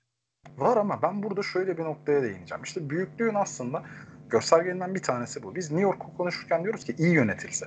Abi Lakers da çok iyi yönetilmiyor ki. Ama yine de şampiyon. Abi Lak- James Dolan gibi adam yok ama Lakers'ın işte. Yok tamam ama, ama ideal ve yok. Lakers uzun süre iyi yönetmiş abi. Jerry West acayip iyi yönetmiş yani. Tabii ki iyi yönetmiş ama şu anda mesela Lakers'ın iyi yönetildiğini düşünüyor musun? Bu sene Lakers yani son yıllarda Lakers çok çok kötü yönetildi ama eskiden iyi yönetildiği için o sağlam referansla zaten LeBron James geldi. Yani geçmişe tamam. bakarak geldi. Knicks tamam. bundan önce doğru yönetilseydi şu anki kötü yönetime rağmen bile süperstar çekebilirlerdi. Tamam ama yani büyüklüğü sağlayan etmenlerden biri de bu değil midir zaten? Bu zaten bu. Yani ama istediği kadar hani geçmişine bağlı olsun. Sonuçta bu geçmiş sağlıyor sana büyüklüğü. Ama işte Knicks şu anda iyi şöyle söyleyeyim. Knicks şu durumda bile yani şöyle söyleyeyim. Knicks'in şu anda cazibe merkezi haline gelmesi için iyi yönetilmesi lazım. Lakers'a buna ihtiyacı yok. Ha Knicks iyi yönetilirse Knicks belki bundan 7-8 sene sonra iyi yönetilmeye de ihtiyacı olmayacak. 7-8 senelik o yapıdan yapı sayesinde. Hayır tabii mümkün. Sonuç olarak şu anda mesela Brooklyn Nets'in takım abi işte Paul Pierce, Kevin Garnett takasında geleceğini tamamen satmış. Elinde hiçbir şey olmayan bir camiaydı. 2016 yılında elinde hiçbir şey yoktu. 2016 yılında yazında. Adamlar mesela iyisiyle kötüsüyle işte 3 sene sonra Kyrie Durant yaptı. İşte New York takımı abi. New York takımı yani. İşte Lakers'ın buradaki farklılığı şu. Yani New York en takımı, büyük şansı geçmiş yani. Ya, tabii ki geçmiş. New York takımı dediğimiz takım e, Kyrie Durant yaparak iddialı hale geliyor. Lakers yine zirveye geliyor. Ya da Clippers mesela bir başka Los Angeles takımı. Bahsettiğim gibi bir geçmiş yok ve o yüzden Lakers'ın gölgesinde. Yani mesela şu anda futbolda da atıyorum büyüklüğü ki Real Madrid üzerinden de olsun. Yani Real Madrid'de de çoğu zaman bunu geçmişi sağladı.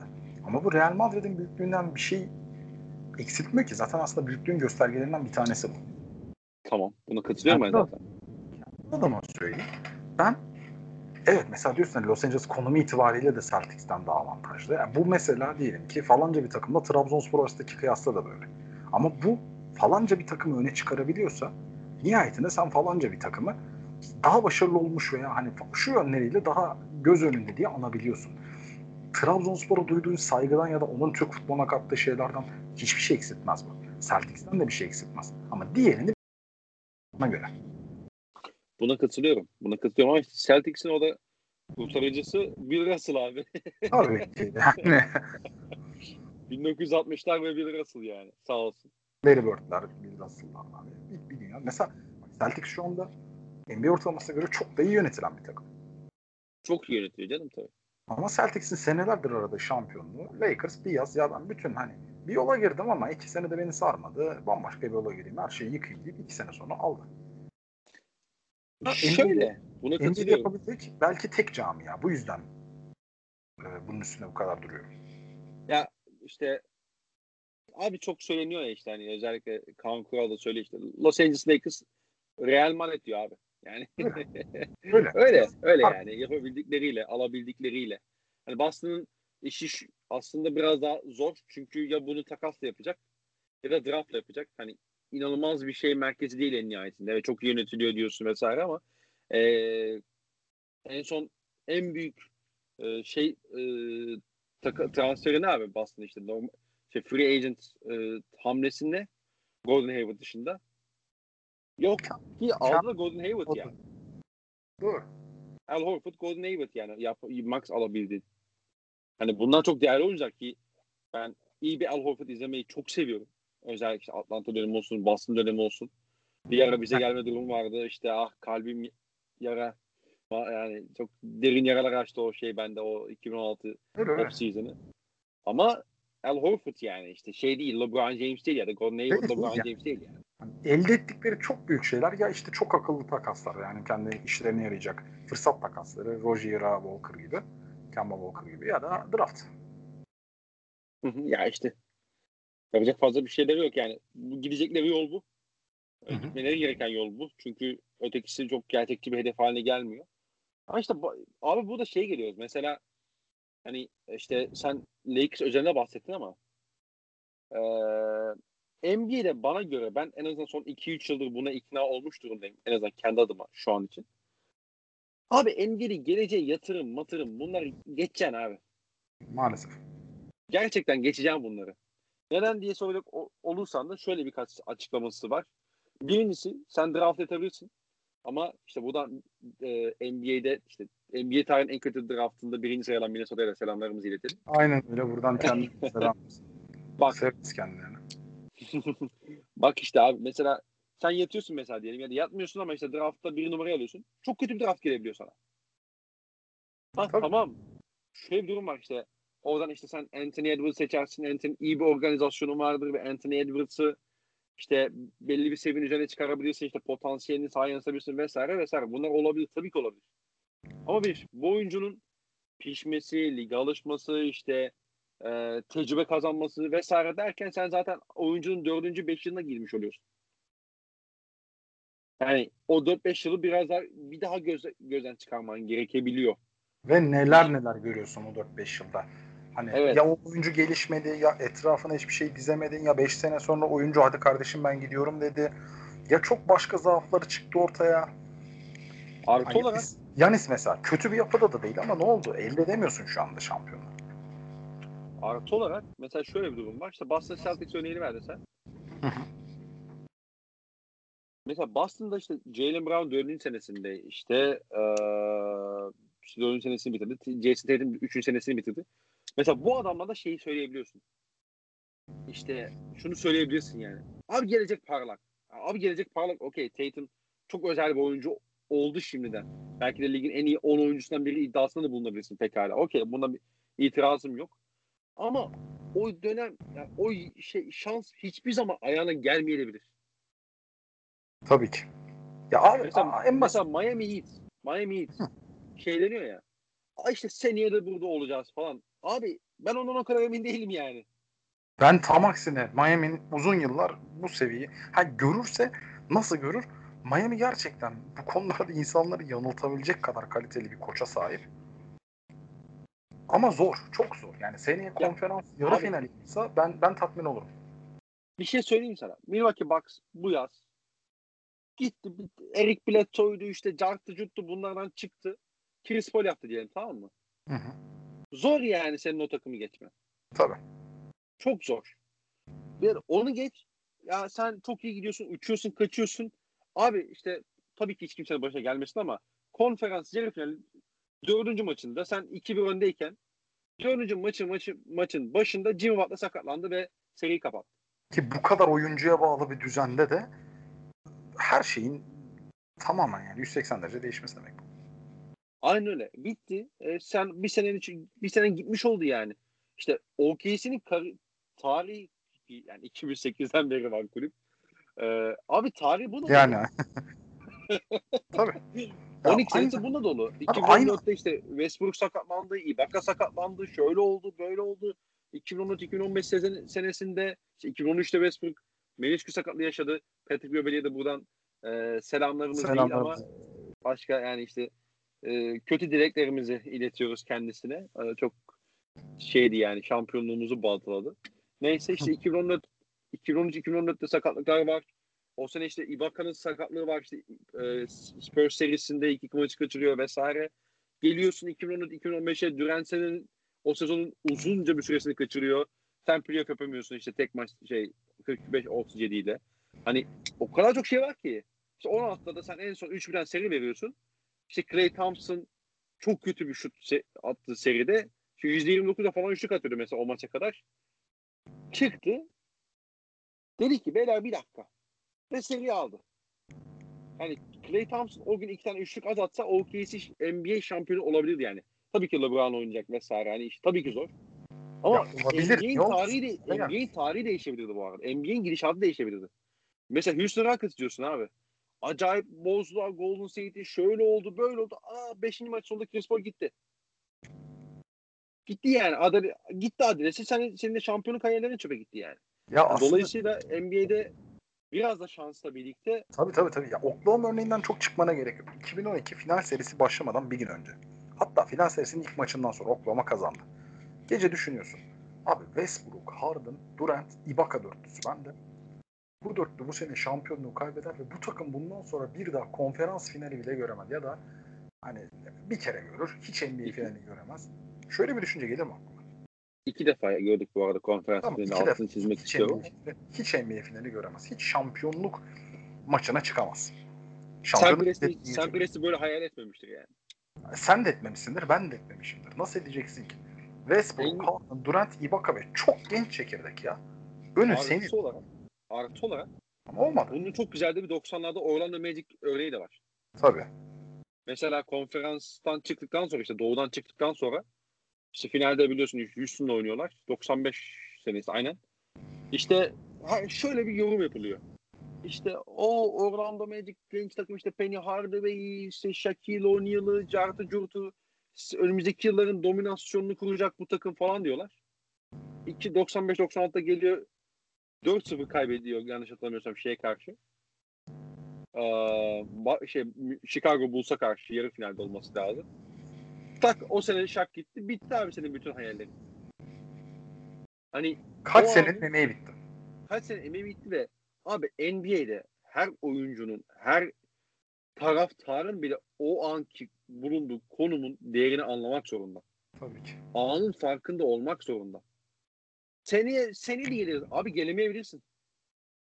Genç de olsan, yaşlı da olsan, orta yaşlı da olsan, yani basketbol oyun, bir oyuncunun yaşı ortamı şeyinde söylüyorum, bakımında söylüyorum.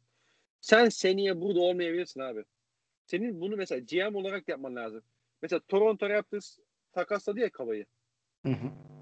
O dönem Boston Celtics'in de mesela bir takas durumu vardı işte.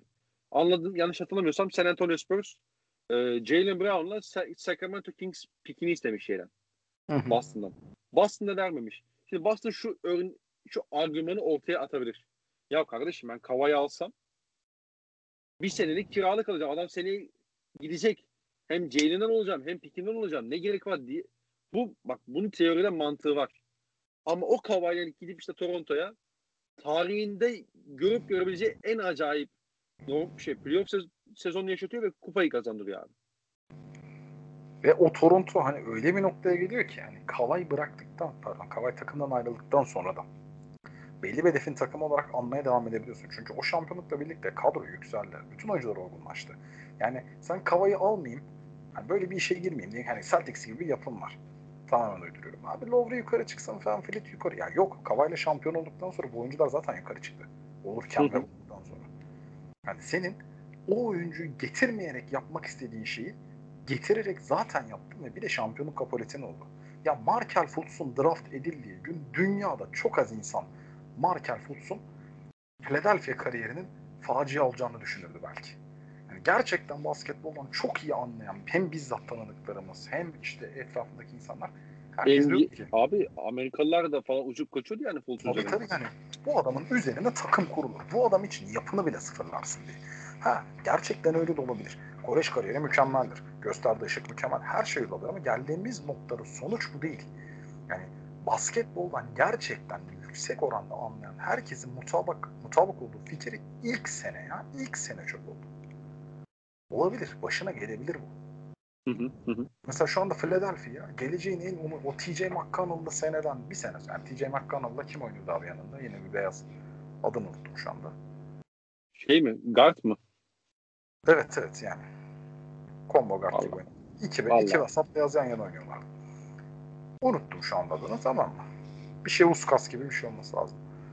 Unuttum. Ee, Nick Stauskas mı? Evet evet evet evet. Nick Stauskas.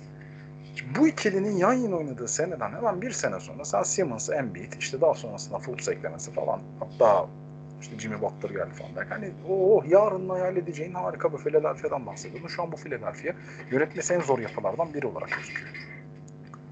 Şu an işte bana diyorsun ki Doug Rivers Philadelphia birlikteliği üzerine podcast çekelim mi? Çünkü yani üstüne podcast çekilmeyecek kadar net bir kötü veya net bir iyi yok ortada. Bir düğüm var. Yok podcast çekilmeyecek kadar kötü bir yapı. ya, ya da böyle anlarsın. Yani aynen öyle yani.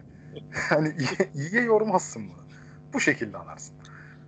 Ya çok değil 3 sene sonra 3 sene önce NBA'nin geleceğe e, inceleme altına alınacak takımıydı belki Philadelphia ama şu Ama an işte şey işte Celtics Philadelphia rekabeti geri dönüyor falan deniyordu. tabii tabii tabii tabii. tabii. 2018 playofflarından sonra ama hani tamam Celtics buralarda da Philadelphia'nın oraya çıkmaya pek mecali yok yani. Ya işte Golden State'in oluşturduğu dominasyon hani tak, e, draft üzerinden oluşturduğu dominasyonu yapabildiğin zaman tamam dominasyon oluyor. Bir senelik bir şey olmuyor ama NBA tarihinde örneği çok az. Başarı ulaşmışlığı da çok az. Sürekli bir daha yapılan. Bir daha yapılan. Ki abi Kevin Durant gelmese belki de Golden State 2016'dan sonra bir daha yüzük kazanamayabilirdi. Çok daha fenasını söyleyeyim. Kevin Hep Love oralarda olacaktı. Tabii tabii. Kevin Love ve Irving sakatlanmasa belki tarihinde yüzüğü yoktu. Bunlar hep değişken. Yani Love Tabii. ve Irving aynı anda gitti. Abi ilk maç uzatmaya gitmese mesela tamamen sallıyorum işte o 2015 finallerinde. Tabii tabii. Irving belki sakatlanmayacak. Belki işte Golden State o maçı yine kazanmış olacak ama Irving sakatlanmayacak. Belki de sen Della Vedova'nın 35 dakika oynayıp 20 sayı atmasına işte şey muhtaç olmayacaksın. Yani Della Vedova ile iki maç vermişsin mesela. Della Vedova hastanelik olmayacak. Adamın sağlığıyla öğrenemeyeceksin yani. Tabii tabii yani belki Irving seriyi alacak. Yani bunların hepsi değişken. Hani orada o yaşanan iki sakatlıktan ikisi birden olmasa yüksek ihtimal Cleveland şampiyonluğu vardı da. Ha bu Bir arada o- bir şey söyleyebilir miyim? Hı. Sözü getirmem ha, tabii ki bunun diğer tarafı da var. Mesela örnek veriyorum 2016'da Draymond Green'in o cezası olmasa Cezası. belki de Tabii ki, tabii ki, tabii ki.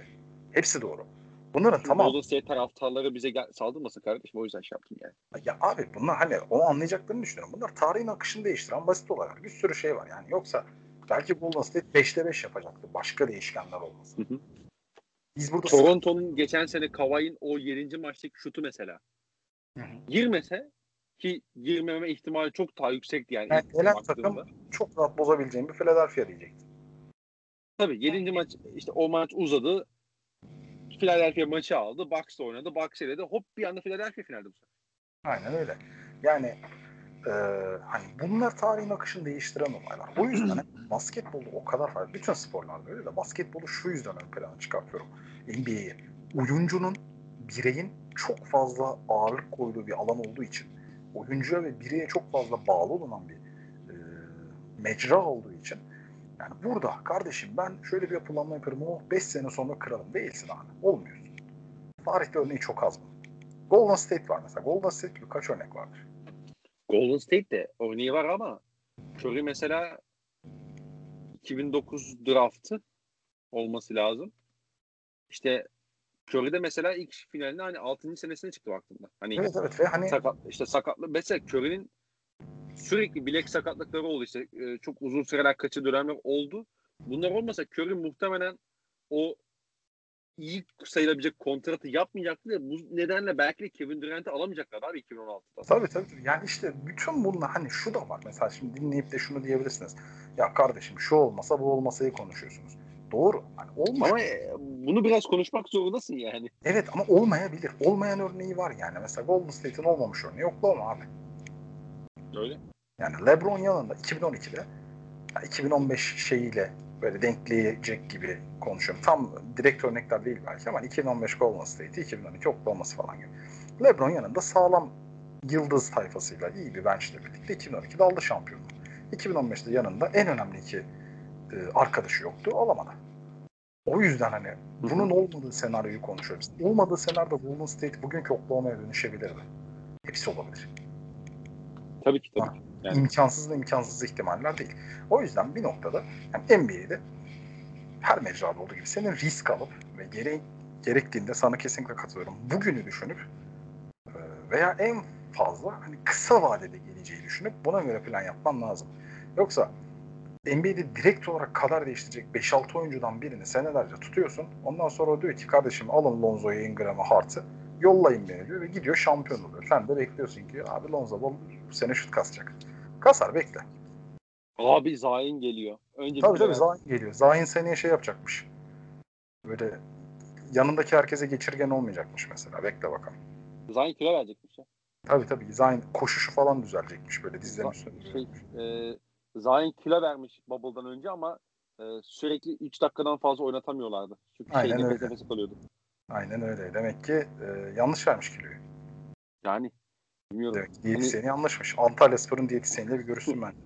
Ya da şey Alıyorum mesela yani ya da işte kilo verirken işte sağlıklı beslenim derken hiç koşmayı koşmayı falan yapmış olabilir. Yani, yani ta, hani, hani sen e, ihmal etmiş olabilir yani. Yani şu noktaya tabii şu noktaya geliyorsun. Lonzo Ball ilk 3 sıra seçimini, ikinci sıra seçimi, Zion birinci sıra seçimi, Ingram bu sene zaten oynadığı top ortada. İkinci değerli. sıra seçimi. Yani bir sürü değerli parçam var. Okey çok güzel, şahane. Ee, seneye senin için şey diyorlar. Şöyle haberler çıkıyor. Abi New Orleans'ın savunması zaten kötü ya. Ha. İşte Lonzo da tam sağ pas atabiliyor ya. Ha. İşte Zion da gidip gelmekte zorlanıyor. E kardeşim. Abi bunlar dört kişi dönecekmiş savunmaya. Zion ileride bekleyecekmiş. Say olmasa Lonzo ileri atacakmış. Haha. Sen bu oluyorsun. Senin yolladığın Anthony Davis şampiyon oluyor. Bu teoriyi savunan bir arkadaşım var. Ben. sen değil, sen değil. Abi bu bunu teoriyi savunan başka bir arkadaşım var. Onu, ben seni on, ben sana onu da getireceğim. Ben sana onu da getireceğim. ya bunu savunan kim varsa saygı duyarım bu arada. 5'e 5 savunması ve 5'e 4 savunması arasında hiçbir fark yok çünkü New Orleans. Belki sayı atar böyle. o başka bir takım üzerinden yapmıştı bu şeyi ama New Orleans'de pekala olur. Yani böyle hani dediğim gibi doğru. Yani sen bu noktaya getiriyorsun kendini ve Davis şampiyon oluyor. öyle öyle. Ki sen bu Davis'e sahipken sadece ilk defa playoff yapabiliyorsun. Gibi. yani. Yani kötü. Abi yani e, işte mesela şu anda hani şunu söyleyebilirim bu arada işte sen Memphis'sin diyelim ya da işte OKC'sin şu anda. Şunu söyleyebilirsin abi. Ulan ben şu anda zirve oynamaya kassam bile yapabileceklerim sınırlı. Tabii. İşte Batı kapalı. Tamam yani işte Lakers'ı var işte çok kötü bir sezon geçti. Yani bir kapanış yaptılar ama işte Clippers'ı var. İşte her zaman orada olacak bir Houston'u var. Portland sağlıklıyken iyi bir Portland işte konferans finali yapıyor ki hoş Nurkic yine yoktu o konferans finali döneminde ama Portland neyse. için haftalarca şey okuduk biz. Tarihin en iyi 8. sıra takımı. Tabii tabii yani işte Portland'ı var. İşte beğenirsin beğenmezsin Minnesota'sı var. Ya var var tabii beğenmem ama var. Golden State'i var. Yani şunu söyleyebilirsin mesela ben e, X bir e, batı takımı GM olsam işte OKC, Memphis gibi e, belli bir hani draft yapma potansiyeli daha yüksek olan işte kadro yapısı gereği bir takımın GM olsam şunu söyleyebilirim. Ya ben iki sene yatayım da sonrasına bakarız. Ama iki sene yatarsın abi. Üçüncü sene artık onu düşünmezsin yani. Üçüncü sene o... LeBron olan şampiyon oluyor. Ha. Bir de şöyle bir durum var. Mesela OKC özelinde devam edecek olursak OKC bu sene diyelim ki işte bu sene draftta yat, yatmadı. işte yatamadı belki Chris Paul'un varlığı nedeniyle. İşte takaslayamadığı için belki de. Ama ne oldu abi? sen inanılmaz bir playoff şey eşleşmesi oynadın. Ya abi, kaybettin tamam. Okey. Birinci turda kaybettin. Bir, belki de bir blok uzaklıktaydın sen tur geçmeye. Hani işte Dortmund üçlüğünde Harden blokluyor vesaire. Hı hı. Tamam. Ama işte şey o, o 7 maçlık playoff macerasını yaşamak bile e, ortalama bir draftta ilk 3 sıra almaktan çok daha değerli abi bence. Abi Dort'u kazandırdı mesela sana.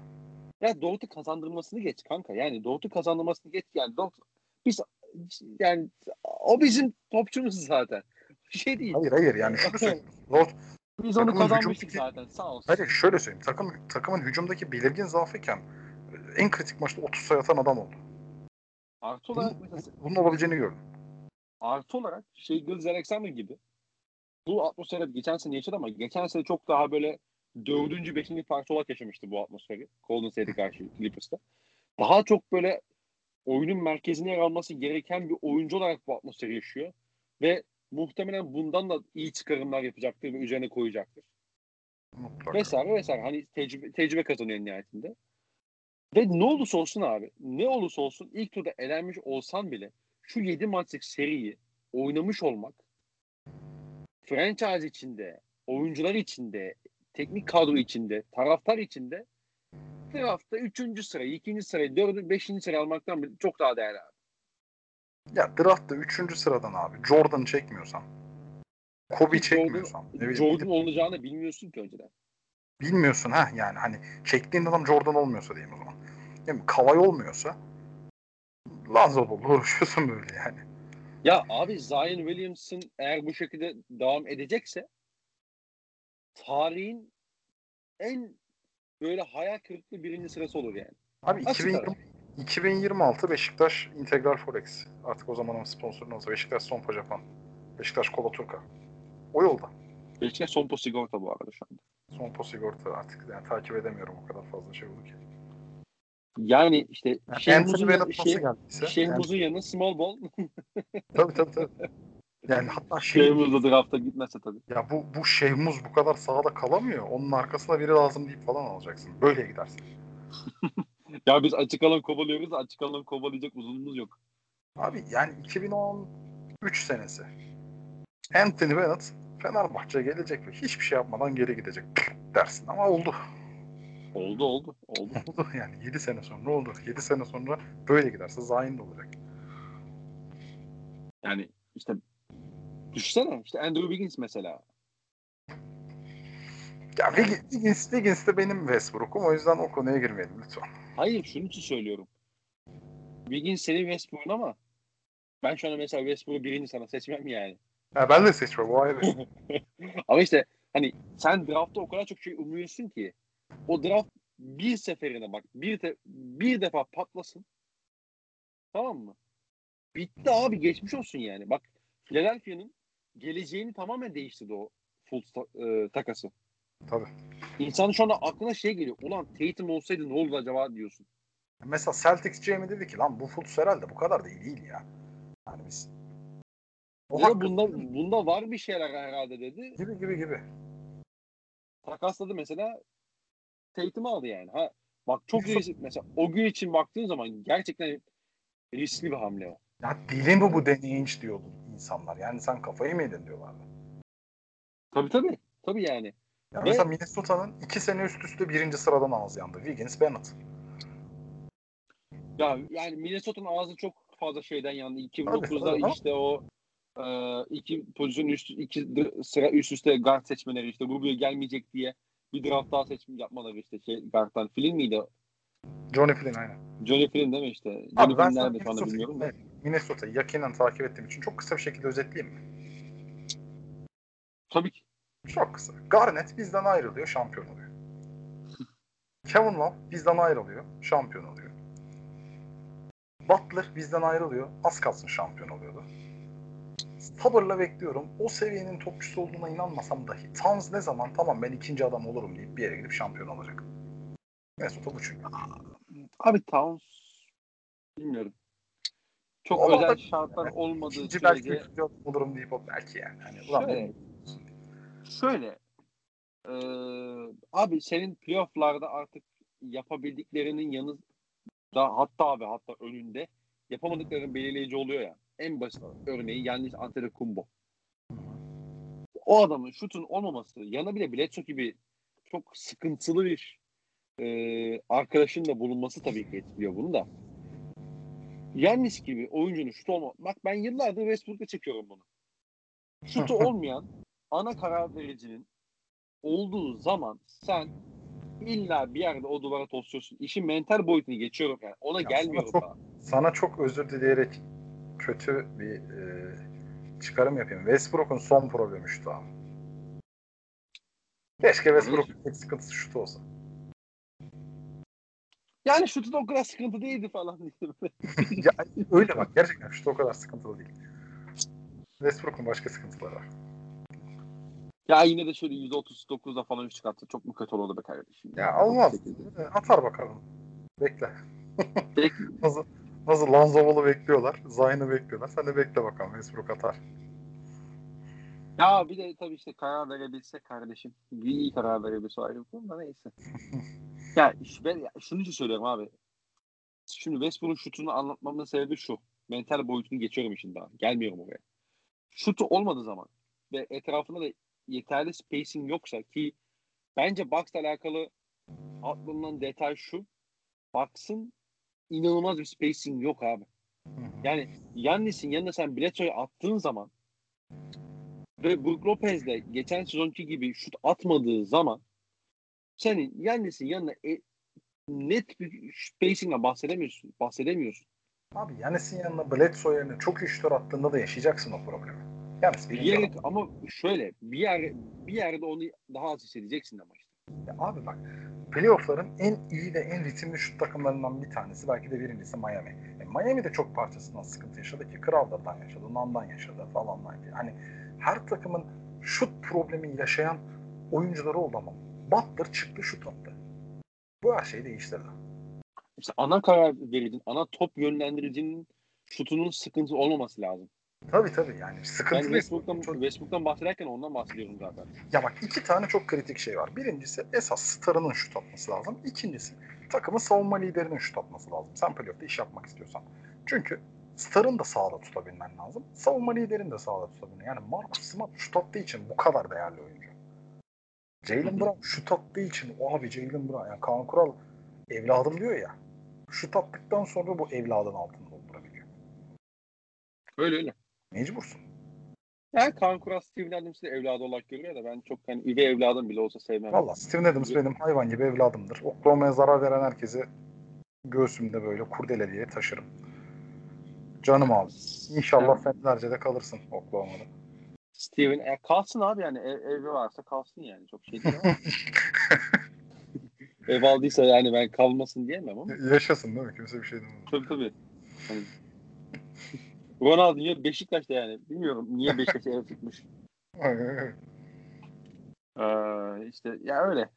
Dolayısıyla hani şey sıkıntı o tabii yani işte özellikle OKC dışında bir takımla çalışıyor, çalışırsa oynarsa hani gidip gelmek belki biraz sıkıntı olabilir ama artık o kendi de o kendi bilecek yani o bize aşacak bir konu yani en nihayetinde.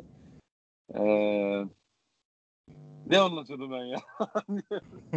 Abi şey o yüzden işte şey yapmak lazım. Velhasıl iki noktaya değindik zaten. İşte bir oyuncunun şut atabilmesi lazım ve konunun başına dönecek olursak da bir GM de olsan, işte sen bir GM de olsan, taraftar da olsan, koç da olsan, oyuncu da olsan abi senin o anın şeyini vermen lazım. O anın değerinin farkında olman lazım. Evet. Sen Danny Ainge'sen çok büyük kumar. Bunun farkındayım. Ama sen gidip kavayı alacaksın abi. Sen Davis'e gireceksin. Bak, Davis konusunda daha fazla hak veriyorum şeye deneyince. Çünkü Davis açık açık diyor ki ben gideceğim diyor. Yani ya Rich Paul. Ayrı. Hani ben ideal bir dünyadan bahsediyorum. Ha. Hani Rich Paul şey yapmasa ya işte LeBron James Los Angeles Lakers'ta olmasa Rich Paul bu açıklama yapmayacak. Tabii. Ve sen o topa girmen lazım mesela. İşte atıyorum Davis topuna girmen lazım. Ya da şu çünkü mesela biz yıllar boyunca ne duyduk abi? İşte Danny Ainge'in Anthony Davis planı. Aynen abi Danny Ainge'in Anthony Davis planı yani.